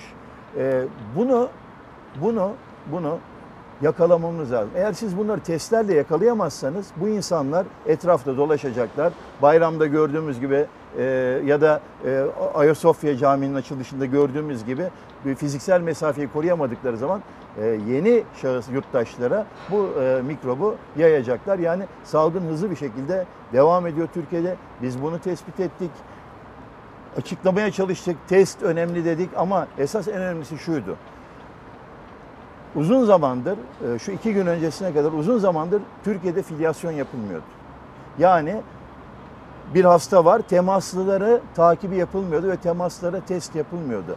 Biz de şunu söylüyoruz, biraz önce söylediğim Şimdi gibi. vatandaşa yönelik bir gevşeme uyarısı yapılırken Evet. bir yandan da kurumlarda da bir gevşeme var. Tabii ki. Tabii ki Sağlık Bakanlığı bir şekilde bu test sayısında bir e, kriterlerinde test yapılma kriterlerinde bir değişikliğe gitmişti. Ve bu da Türkiye'de yapılan test sayısının miktarını azaltıyordu. Siz test sayısını azaltırsanız hastayı bulamazsınız. Hasta sayısı da e, o tabloda görüldüğü binlerin altına düşer. Esasında gerçek bu değil tabii ki.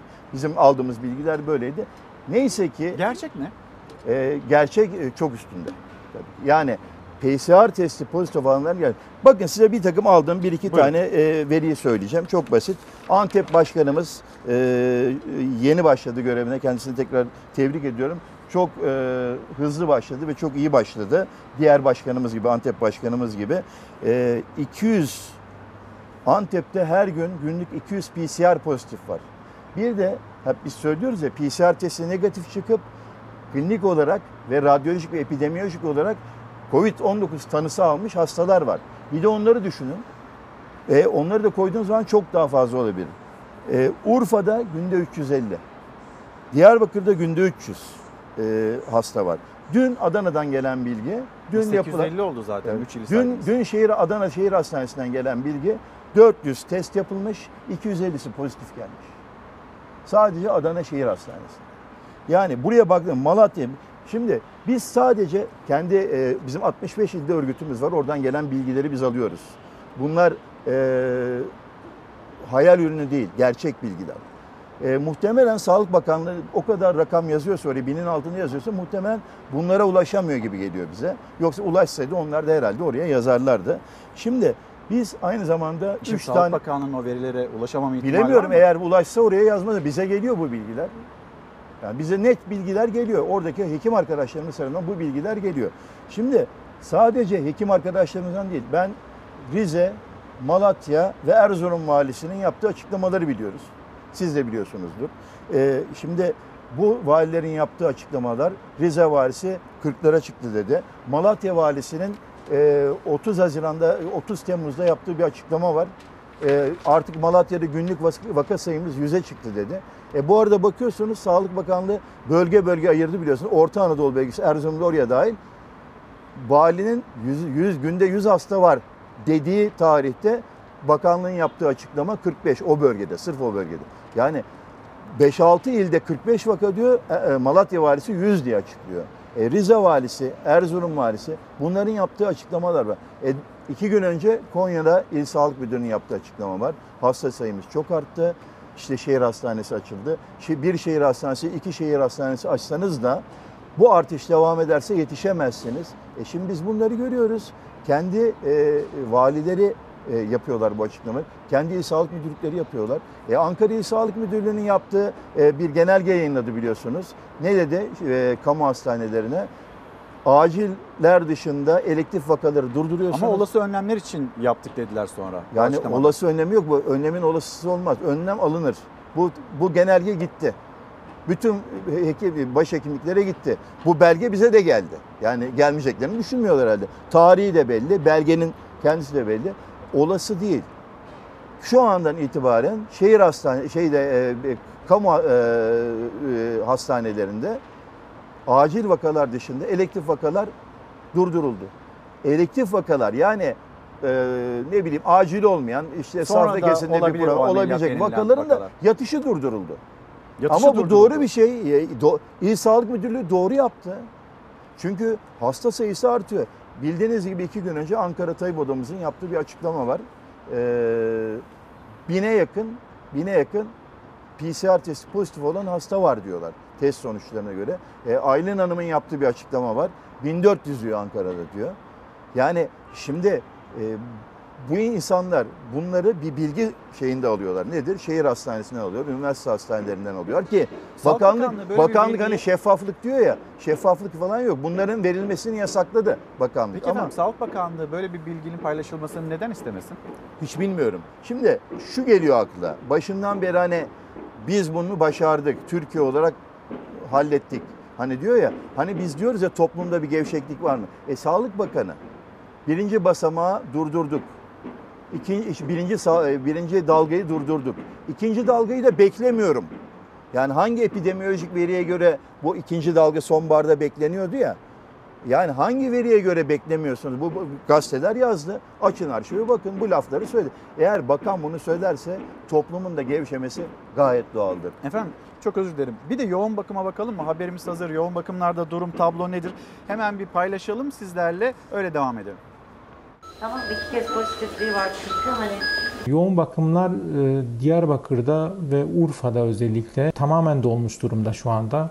E, Bu vaka sayılarındaki e, artışla beraber yoğun bakım hastalarında bununla paralel bir artış var. Akşam tamamen dolduğu için yoğun bakım yatışı e, gerektiren hastalar acil serviste kalabiliyor. Çarpıcı iddia Türk Tabipleri Birliği'nden geldi. Birliğin Merkez Konseyi üyesi Doktor Halis Yerlikaya, doğudaki bazı illerde yoğun bakımda yer kalmadığını ileri sürdü. Her gün yüzlerce koronavirüs hastası teşhis edildiğini söyledi. Bölgede özellikle Diyarbakır'da 300'e yakın test pozitif hasta sayısıyla karşı, e, karşı karşıyayız. Yine Urfa'da 350-400 civarında günlük test pozitif hasta sayısıyla karşı karşıya kalmaktayız ve giderek de azalma yerine artış e, trendi var. Doktor Yerlikaya Diyarbakır'da görevli. Sadece orada günlük vakanın 300'e yakın olduğunu iddia etti. Oysa Sağlık Bakanlığı'nın açıkladığı son raporda Diyarbakır'ın da içinde olduğu Güneydoğu Anadolu bölgesinin tamamında yeni hasta sayısı 261. Benzer çelişki sadece doğuda değil, Rize'de de Vali Kemal Çeber'in açıklamalarıyla ortaya çıkmıştı. Son günlerde bizi endişelendiren sayılarda artışımız var. Uzun süre en yoğun kontrolleri uyguladığımız dönemde maksimum günlük 15 vaka oluyordu. Bugünlerde birkaç kez 40'lı vakaları gördüğümüz gün oldu. Vali Çeber sadece Rize için günlük 40 vakadan söz ederken yine Sağlık Bakanlığı'nın tüm Doğu Karadeniz için açıkladığı vaka sayısı 29 civarında. Ve Konya, İl Sağlık Müdürü Mehmet Koç hasta kabulüne başlayan şehir hastanesinde kameraların karşısına geçti. Hızlı artışa o da dikkat çekti. Yatak ve yoğun bakım yoğunluğumuz var ama yer yok diye bir şey yok. Vatandaşlarımızdan ricamız maske, mesafe ve temizliğe dikkat edelim. Eğer bu hızla giderse yani bir şehir hastanesi daha olsa yetmez. E, O nedenle biz dikkat etmeliyiz. Türk Tabipleri Birliği Merkez Konseyi üyesi Doktor Halis Yerlikaya'ya göre özellikle yoğun bakımdaki sağlık çalışanların koşulları gün geçtikçe zorlaşıyor. Yoğun bakımlarda çok daha fazla hastaya bakmak durumunda kalıyor sağlık çalışanları. Bu süreç e, nasıl, e, nereye evrileceği bilinmeden bir bilinmezlik içerisinde yürüyor. Hemen size yoğun bakımlardaki durumu da sorayım. Yani sizin elinizdeki verileri Tabii, sorayım. tabii, tabii. Ne dersiniz? Yani şu anda Ankara'da Dolu, böyle bir Ankara'da sıkıntı. dolu olduğu söyleniyor. Bize gelen bilgiler dolu. Ha bakan %67 doluluk diyor. Şimdi özel hastanelerde de yoğun bakım hastası var. Özel hastaneler şu anda yoğun bakıma yatırmıyorlar Covid'lileri. Peki efendim şimdi Nerede hata yaptık? Bunun bir tespitini yapmak gerekiyor galiba değil mi? Nerede hata yaptık? İşte 3 altın kural var. Biz bu 3 altın kuralı mı ihlal ediyoruz? 1 Haziran'da işte ne bileyim hayatı normalleştirme adımları bizde farklı bir rehavet ya da gevşemeye mi neden oldu? Ve bundan sonrası için hangi tedbirleri almamız gerekiyor? Ne düşünürsünüz? Şimdi öncelikle şunu söyleyeyim. Bir pandemide mücadele iki şekilde olur. Bir bireysel toplumun kendi e, tedbirleri alınması lazım. Nedir bunlar? Bildiğiniz maske takımı, fiziksel mesafe, kişisel hijyen. Hani şu anda hükümet, e, Sağlık Bakanı diyor ya toplum uymuyor buna, uymuyor buna, uymuyor buna, onun için bu hastalık yayılıyor diye.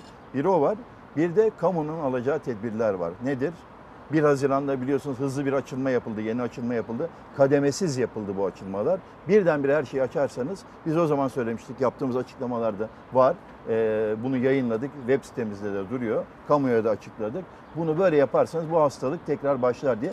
8 Haziran'dan sonra hasta e, minimuma düşmüştü hasta sayısı. Günlük e, e, yeni hasta sayısı birdenbire artmaya başladı. Hatayı burada yaptık, 1 Haziran'da yaptık aniden yüksek, e, hızlı bir şekilde yeni açılma yaptık ve e, bilim e, insanlarına, Türk Tabipleri Birliği, meslek örgütlerine ve bir takım uzmanlık derneklerine Sağlık Bakanlığı dinlemedi. Bunun geleceğini biz biliyorduk, böyle olacağını biliyorduk. Hatta o gün bir açıklama yaptık, o zamanlar bir açıklama yaptık. Bu tekrar hastalık pik yapacak ki şu anda e, İlker Bey bizim gördüğümüz birinci dalganın ikinci pikidir. Hani bir pik yaptı, iniyordu. Şimdi ikinci piki yaptı. Bizim birinci dalganın Yani ikinci, ikinci, dalgaya gelmeden Daha biz birinci gelmedik dalgayı daha nerede? tamamlamadık Tabii. ve bu dalgada da birinci ikinci dalganın ikinci görüyoruz. pikini yaptık. Yani şu Efendim anda çok özür dilerim. Tam da şimdi Sağlık Bakanı Fahrettin Koca'nın bir açıklaması var. Sosyal medya üzerinden Covid-19 nedeniyle hastaneleri dolu bir ilimiz. Hatta kapasitesi tamamen dolu hastanemiz yoktur. İddialar asılsızdır. Bu asılsız iddiaların sahipleri hastaneler doluymuş gibi tedbir alsın. İddiaların topluma belki bu şekilde yararı olur. Valla biz bize gelen bilgileri söylüyoruz. Adana Tabip Odamızın, şey e, Antep Tabip Odası Başkanımızın söyledikleri. E, arkasından Ankara Tabip Odası Başkanımızın bize geldiği bilgiler. Ki bu bilgiler doğru bilgiler. Urfa, Diyarbakır. Şimdi şurada bir problem var. Türkiye'de yoğun bakım yataklarının %60'ı kamuya, %40'ı özel hastanelerdedir. Şu anda özel hastaneler hiçbir ilimizde COVID-19 hastası kabul etmiyor. Çünkü SGK COVID-19 hastalarının ödemelerini kesti özel hastaneleri. Bu çok net. Özel hastaneye bir COVID-19 hastası geldiği zaman bir iki ufak e, şey dışında, e, vaka dışında direkt olarak kamu hastanelerine ya da üniversite hastanelerine yolluyorlar. Burada bahsedilen muhtemelen kamu hastanelerinin yoğun bakımlarından bahsediyoruz. Şimdi e, biz böyle söylemeye devam, biz bildiklerimizi söylemeye devam edeceğiz. Biz bir şey saklamıyoruz. Ben e, bir şey daha söylemek istiyorum. Hep söylenir ya, böyle söylediğiniz zaman halk paniğe sevk ediliyor falan diye. Vallahi ben Rize, Malatya ve Erzurum valilerinin yaptığı açıklamadan sonra bu illerde halkta bir panik ya da bir ayaklanma falan görmedim, duymadım da. Demek ki siz bunları açıklarsanız gayet basit. Siz bunları açıklarsanız insanlar tedbirlerini ona göre alırlar. Şimdi bu illerdeki tabip odası da başkanlarımızın, tabip odası yönetimlerinin yaptığı bu yoğun bakımla ilgili açıklama şunu gösteriyor. Bir kere hastanelerin e, güçsüz göstermek amacı yok. Bir tek amacı var. Ya bu hastalık yayılıyor, hızlı bir şekilde yayılıyor. Tedbirinizi alın.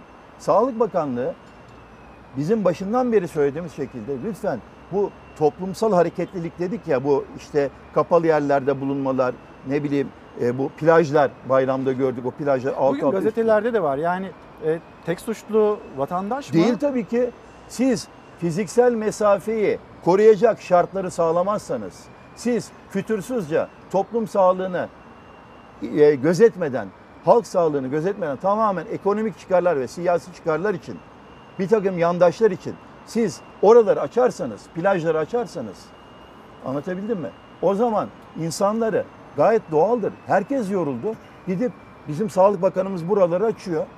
Hükümetimiz buraları açıyor bize. E, Sağlık Bakanı dedi ki birinci basamağı baskıladık. Ya birinci dalgayı baskıladık. ikinci dalgayı da beklemiyorum dedi. E o zaman e, başardık. Bunu hallettik Türk, Türkiye olarak derseniz o halk da oraya gider. Gayet siz toplumsal hareketli- hareketliliği yavaşlatacak tedbirleri almak zorundasınız. Siz sade orası değil restoranlar gidin bakın Tunalı İlmi'de şöyle bir çıkın dolaşın akşamları. O kafeler, o restoranlar, o barlar her taraf dolu. Her taraf dolu. Kitapçılar her taraf dolu. E, Ayasofya'yı açtınız 350 bin kişi. Yani fiziksel mesafe vardı orada? Fotoğraflar bütün gazetelere yansıdı. E şimdi siz bunu, bunları bunu bir daha açın ama şimdi açmayın. Anlatabildim mi? Eğer hükümet olarak siz bir takım tedbirler almazsanız, toplumsal hareketleri yavaşlatmazsanız buna katlanırsınız ve e, suçu da bu hastalığın pik yapma suçunu da topluma atamazsınız. Önce kendinize bakın. Şimdi 31 Ağustos tarihinde okulların açılması düşünülüyor. Bir A planı var ama bu vaka sayısıyla A planı herhalde uygulanamayacak. E, B planı, C planı, D planı nedir Milli Eğitim Bakanlığı'nın? Haberimiz hazır. E, haberimizi aktaralım ve soralım acaba bu şartlarda okullar açılabilir mi? Okulların tam açılmasına yakın Kurban Bayramı'nın etkilerini göreceğiz. Vaka sayısında tam o dönemde bir artışla bekliyoruz. Yeniden binin üzerine çıkan günlük hasta sayısının daha da artmasını bekliyor uzmanlar. Oysa okulların açılması için Milli Eğitim Bakanı'nın verdiği tarihe 31 Ağustos'a geri sayım başladı. Hatta özel okulların 2 hafta öncesinde 17 Ağustos'ta telafi eğitimlerine başlaması bekleniyor. Milli Eğitim Bakanlığı bir karar alacaksa okullarla ilgili çok beklemesine gerek yok o dönemi. Bundan daha iyi olmasını beklemiyoruz. Böyle ciddi vaka azalmaları olacak.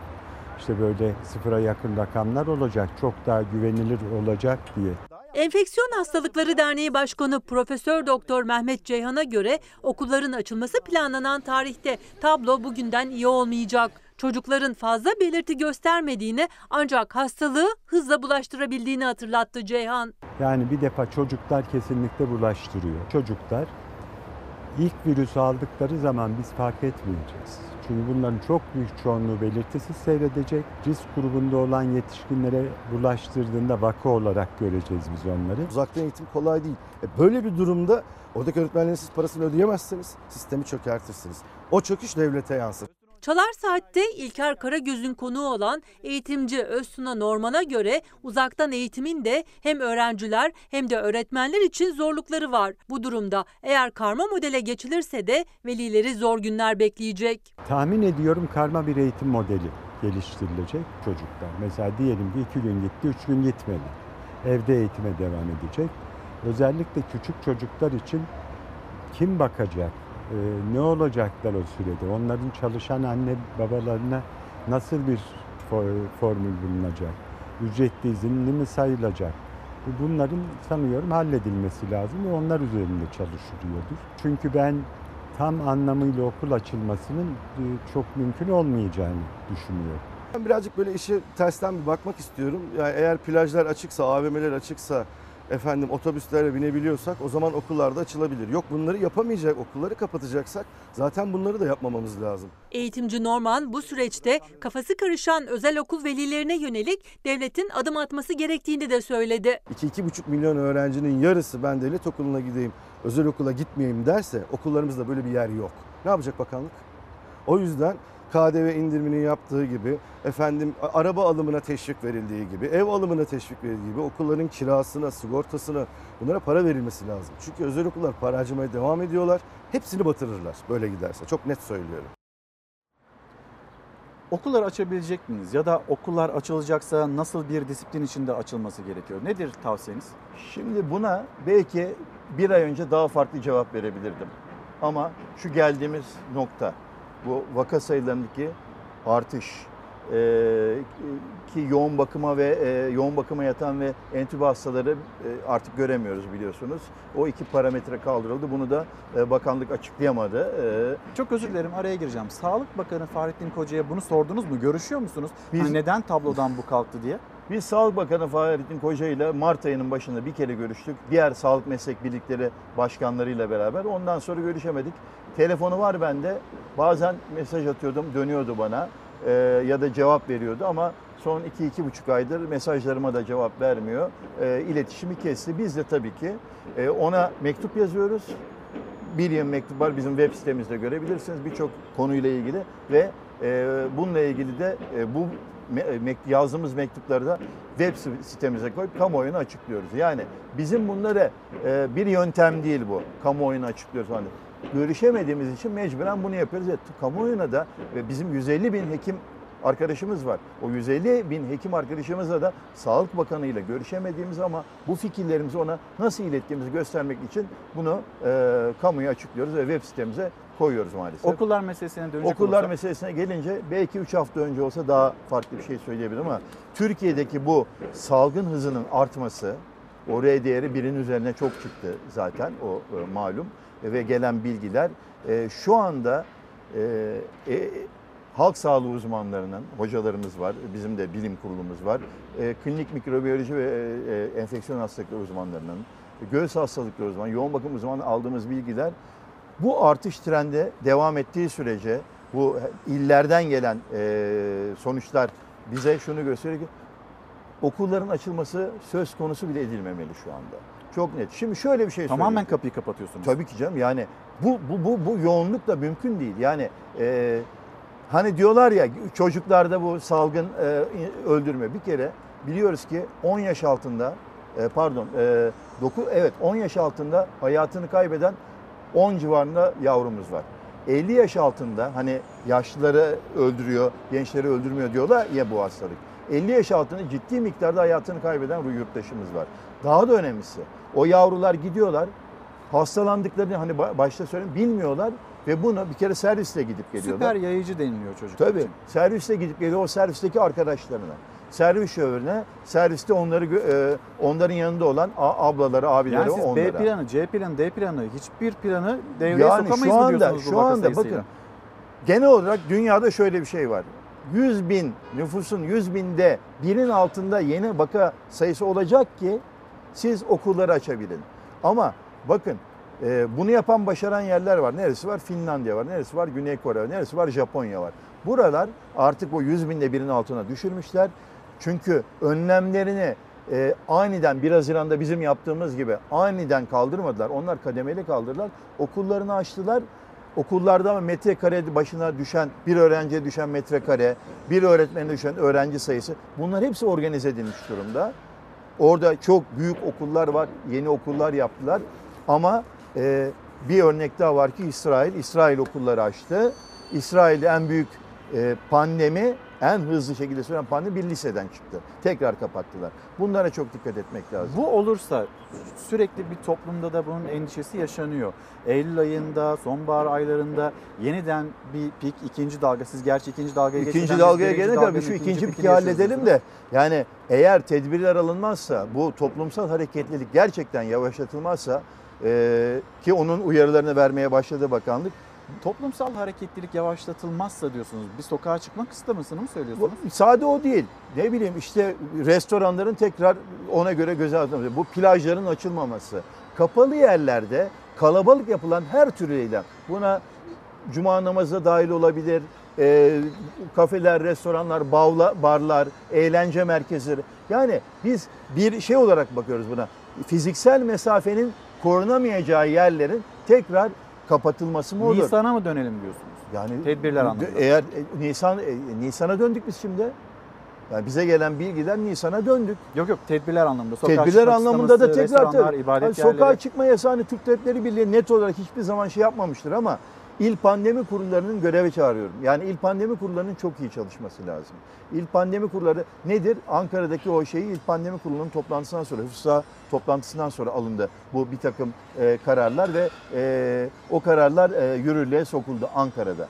İl Pandemi Kurullarına bakmak lazım. Şimdi bize gelen bilgiler şu. Şu anda İstanbul ve İzmir stabil gidiyor. Hafif artış var ama çok hızlı bir artış yok. İstanbul için mesela Türkiye'nin Wuhan'ı deniliyordu. E şimdi Türkiye'nin ikinci o anı Diyarbakır, Urfa ve bölge iller oldu. Ama bir de Ankara oldu şimdi. İl il sayı var mı elinizde? Ee, odaların- odalarından aldınız. Dün dün akşam geldi. Bunları bir rapor halinde hazırlıyoruz arkadaşlar. Cumartesi günü Cumartesi günü ya da pazartesi günü bunu basın toplantısıyla duyurdu. İl il geldi tabii. E, Birçok ilden geldi. E, eğer İstanbul Sağlık Bakanı'nın birinci o anıysa şu anda ikinci o an Urfa'da günde 350, Diyarbakır günde 300 ve Diyarbakır e, tabi odasına aldığımız bilgiler oradaki yoğun yani yoğun bakımlık hastalar normal serviste bekletiyormuş, bekletiliyor. yoğun bakımda yer azal, a- açıldığı zaman bir şekilde oraya yönlendiriyor. E ben biliyorum bir milletvekili arkadaşıma torpil için aradılar. Batman'da yer yok bizi Malatya'ya sevk edin diye. E şimdi Van'da biliyoruz ki daha çok hastalar e, hastaneye yatması gereken hastalar Van'da dün aldığımız bilgi e, evlerine yollanıyor. Hastanedeki yatış sayısı az olabilsin diye. Çünkü ya da dolu Van'da hastaneler mecburen evlerine yollanıyorlar. Hasta bütün kliniklerde dolu için. Şimdi bunlar insanlar bunları niçin söylüyor? Tabip odaları bunlara niçin söyler? Yani bu sonuçta Neden hepimiz toplum sağlığı için uğraşıyoruz. İnsanlar tedbirini alsın. Sağlık Bakanlığı'na kendine verilen bilgiler e, e, belki de yanlış, doğru değil. Sağlık Bakanlığı'nı uyarıyoruz biz buradan. Bakın durum bu. Gerekeni yapın. Bir bilim kurulunuz var. Bilim kurulu üyeleri çıkıyorlar, e, konuşuyorlar. Mesela bir bilim kurulu üyesi çıktı. Bu yoğun bakıma yatan, e, yoğun bakımda yatan hasta sayısıyla entübe hasta sayısı o tablodan niçin çıkarıldı bilmiyorum dedi. Bilim kurulu üyesi söyledi bunu. Yani dolayısıyla e, ciddi bir test sayısında azalma vardı. Fakat biz 1 e, Ağustos'ta bir açıklama yaptık e, Türk Tabipleri Birliği olarak ve filyasyonun bize gelen bilgiler haftalardır düzgün filyasyon yapılmadı, temaslara test yapılmadığı şeklindeydi ve e, iki gün önce Ankara'da bir e, algoritma yayınlandı. O Buyurun elimizde efendim. var o algoritma. Filyasyon algoritması Ka- mı? Covid-19 filyasyon algoritması yani temaslılara gidiyorlar, evlerine gidiyorlar. Filyasyon ekipleri tekrar canlandırıldı. Ee, yaklaşık bir aydır yapılmıyordu bu. Dolayısıyla da test sayısı ve e, çok memnun verici bir haber var. Ee, Covid-19 yani PCR testi pozitif hastaların temaslarından da artık PCR testi için e, örnek alınacak. Biz bunu 4 aydır söylüyoruz. 4 aydır bu işleyişi öneriyorduk biz Türk Tabipleri Birliği olarak. Nihayet, nihayet 4 ay sonra e, Sağlık Bakanlığı'nın e, bu işleyişe e, e, gelmesi ve bu şekilde e, e, temaslara PCR testi alması bizim için çok memnuniyet verici bir şey. İzleyicilerimiz soruyor bu aşıyla ilgili yeni bir gelişme var mı? Ne zaman Aşıyla hayatımıza ilgili yeni bir girer? gelişme yok. Devamlı bize de geliyor haberler. Biz de birçoğunu basından falan izliyoruz. Böyle bilim insanların ciddi, bilim insanların söylediği şu. Aşı çalışmaları yeni yıldan önce bitmesi söz konusu değil. Böyle bütün topluma yapılacak aşıların da, aşının da e, çıkması yeni önümüzdeki yıla sarkabilir. Dünya Sağlık Örgütü Başkanı şunu da söyledi. Belki de aşı hiç bulunamıyor. Çünkü bu e, koronavirüslerde aşıda aşı imalatında problem oluyor. E, dolayısıyla bu SARS virüslerinde. Dolayısıyla belki de aşı bulunamayacak. Yani bunu da göz önüne almamız lazım. Ama toplumsal bağışıklık içinde biliyorsunuz toplumun %50-60'ının bu virüsle Ama tanışması gerekiyor. şu anda çok şu anda. Türkiye'de Sağlık Bakanı'nın yaptığı açıklamaya göre binde 8 civarında falan %1'lere bile gelmiş değil. O zaman tüm dünya için bir sıkıntı var. E, şimdi biz sadece kendi ülkemiz değil tüm dünyayı düşünmek zorundayız. Yani hani bu uçaklar açılıyor gidiyor geliyor ya evet ekonomi önemli olabilir ama önce sağlık. Sağlıklı olmadıktan sonra insanlar, toplumlar ekonominin hiçbir değeri yoktur. Güçlü hükümetler, ekonomisi güçlü hükümetler bununla nasıl mücadele ettiklerini tüm dünya gösteriyor. Almanya gibi, Kanada gibi. E, siz ekonomik çıkarları göz önüne alırsanız Antalya'da Ege bölgesi Muğla'da, Bodrum'da, Marmaris'te oraya hasta gelmesi için oraları herkese açarsanız o zaman sorun olur. Çünkü biz bunlardan biliyor musunuz PCR testi bile istemiyoruz. Yurt dışından gelenlerden biz test istemiyoruz. Ama biz Türkiye'den birisi yurt dışına gittiği zaman bütün ülkelerin çoğu test istiyor. Hatta bazıları güvenmiyor. Orada kendi ülkesine yaptırtıyor. Gerekirse 14 gün karan- karantinaya. Yani bu ne demek? Gelmeyin demek. Yani biz buradan şimdi yurt dışından insan geldi. Turist geldi. Onun bir kendi virüsü var. Türkiye'nin de bir virüs e, genotipi var. Bunlar kombine olup ne çıkar ortaya onu bile bilmiyoruz. Efendim son sorum olsun. Sağlık çalışanları inanılmaz bir performans sergiliyorlar. E, bir yandan beklentileri de var. E, ek ödemelerle Ha. ilgili. Belki onu da hatırlatmak gerekebilir. Yani Şu anda ne kadar sağlık çalışanı sizin elinizdeki verilere göre e, bu test sonuçları pozitif çıktı ve onlarla ilgili moral anlamında ne söylemek gerekir? Ankara'da 488 bizim bildiğimiz, tespit edebildiğimiz. Nisan ayında Sağlık Bakanı 7 bin küsürlük bir sayı açıkladı. Sağlık çalışanı, hekim artı diğer sağlık çalışanları diye. Ama e, hayatını kaybeden, bakın sağlık çalışanlarından hiç ses etmedi. Biz bir 26'sı hekim, toplam 52 sağlık çalışanı, bir tanesi bugün vefat etti. Bir temizlik işçisi Biz onu da bir ekibin bir parçası sayıyoruz. Hepimiz bir ekibiz. Sağlık çalışanı, asansörcüsü, hemşiresi, teknisyeni, doktoru hepimiz bir ekip. 52 kişi bizim tespit ettiğimiz hayatını kaybeden. O zaman 7000'in üzerindeydi 3 ay önce. Şimdi koyun üstüne kim bilir kaç kişi. Sağlık çalışanları bıkmış durumda. Yorgun e, ve moralsiz. Bir ek ödemeler tavandan verilecekti. Onlar 2-3 ay zaten hepsine verilmedi. E, Orada bile bir düzensizlik vardı. Şimdi tamamen kesildi. E, her zaman söylüyoruz. Sağlık çalışanları bu işi para için yapmıyorlar ama verilen bir takım sözler var. Toplum sanki veriliyor gibi biliyor. Toplum bunu duysun. Sağlık çalışanlarına özel bir prim, herhangi bir para verilmiyor. Özellikle hemşire arkadaşlarımız, teknisyen arkadaşlarımıza verilenler komik. 50 lira 100 lira para verildi o Covid döneminde. Yani bunun dışında bir e, bir yere kadar getirmişti sağlık çalışanları bu Covid ile mücadelede. Ama gördük ki hükümetin verdiği, e, Sağlık Bakanlığı'nın yaptığı erken açılma, kademesiz açılma, her tür toplumun e, hareketliliğinin tamamen serbest bırakılmasıyla beraber bu hastalığın tekrar pik yapmaya başlaması hakikaten hekimlerde bir bezginliğe, sağlık çalışanlarının hepsinde yorgunluğa ve bir tükenmişlik sendromuna yol açtı. Halbuki sağlık çalışanlarının moralinin her zaman çok yüksek olması lazım. Ben şurada sizin huzurunuzda onlara tekrar saygılarımı, sevgilerimi iletiyorum. Bilsinler ki Türk Tabipleri Birliği onlara bir telefon kadar yakın. Efendim çok teşekkür ederim. Ben teşekkür Türk Tabipleri Birliği Başkanı Profesör Doktor Sinan Adıyaman'la konuştuk. Şimdi bir mola verip hemen döneceğiz. Efendim bir kez daha günaydın. Kapatacağız ama bir kitabımız var. Profesör Doktor Uğur Yiğit ve Doçent Doktor İlhami Öztürk'ün çalışması yargı hukuku ve bu kitapta yargı sistemi bir bütün olarak irdelenmiştir demekteler. Hakimlik mesleğinin olmazsa olmazı bağımsızlıktır. Hakimler arasında hiyerarşi yoktur. Yargı hukuku kitabı bir profesörümüz ve bir doçentimizin çalışması. Kapatırken her zamanki gibi teşekkürümüz sizlere. Bizi izlediğiniz için teşekkür ederiz. Yarın sabah saatler 8'i gösterdiğinde bizler bir manikeder olmazsa yine karşınızda olacağız. Türkiye'nin gündemiyle, sizin, bizim ve dünyanın gündemiyle ve yine kapatırken güzel bir gün diliyoruz sizlere ve tüm Türkiye'ye. Hoşçakalın.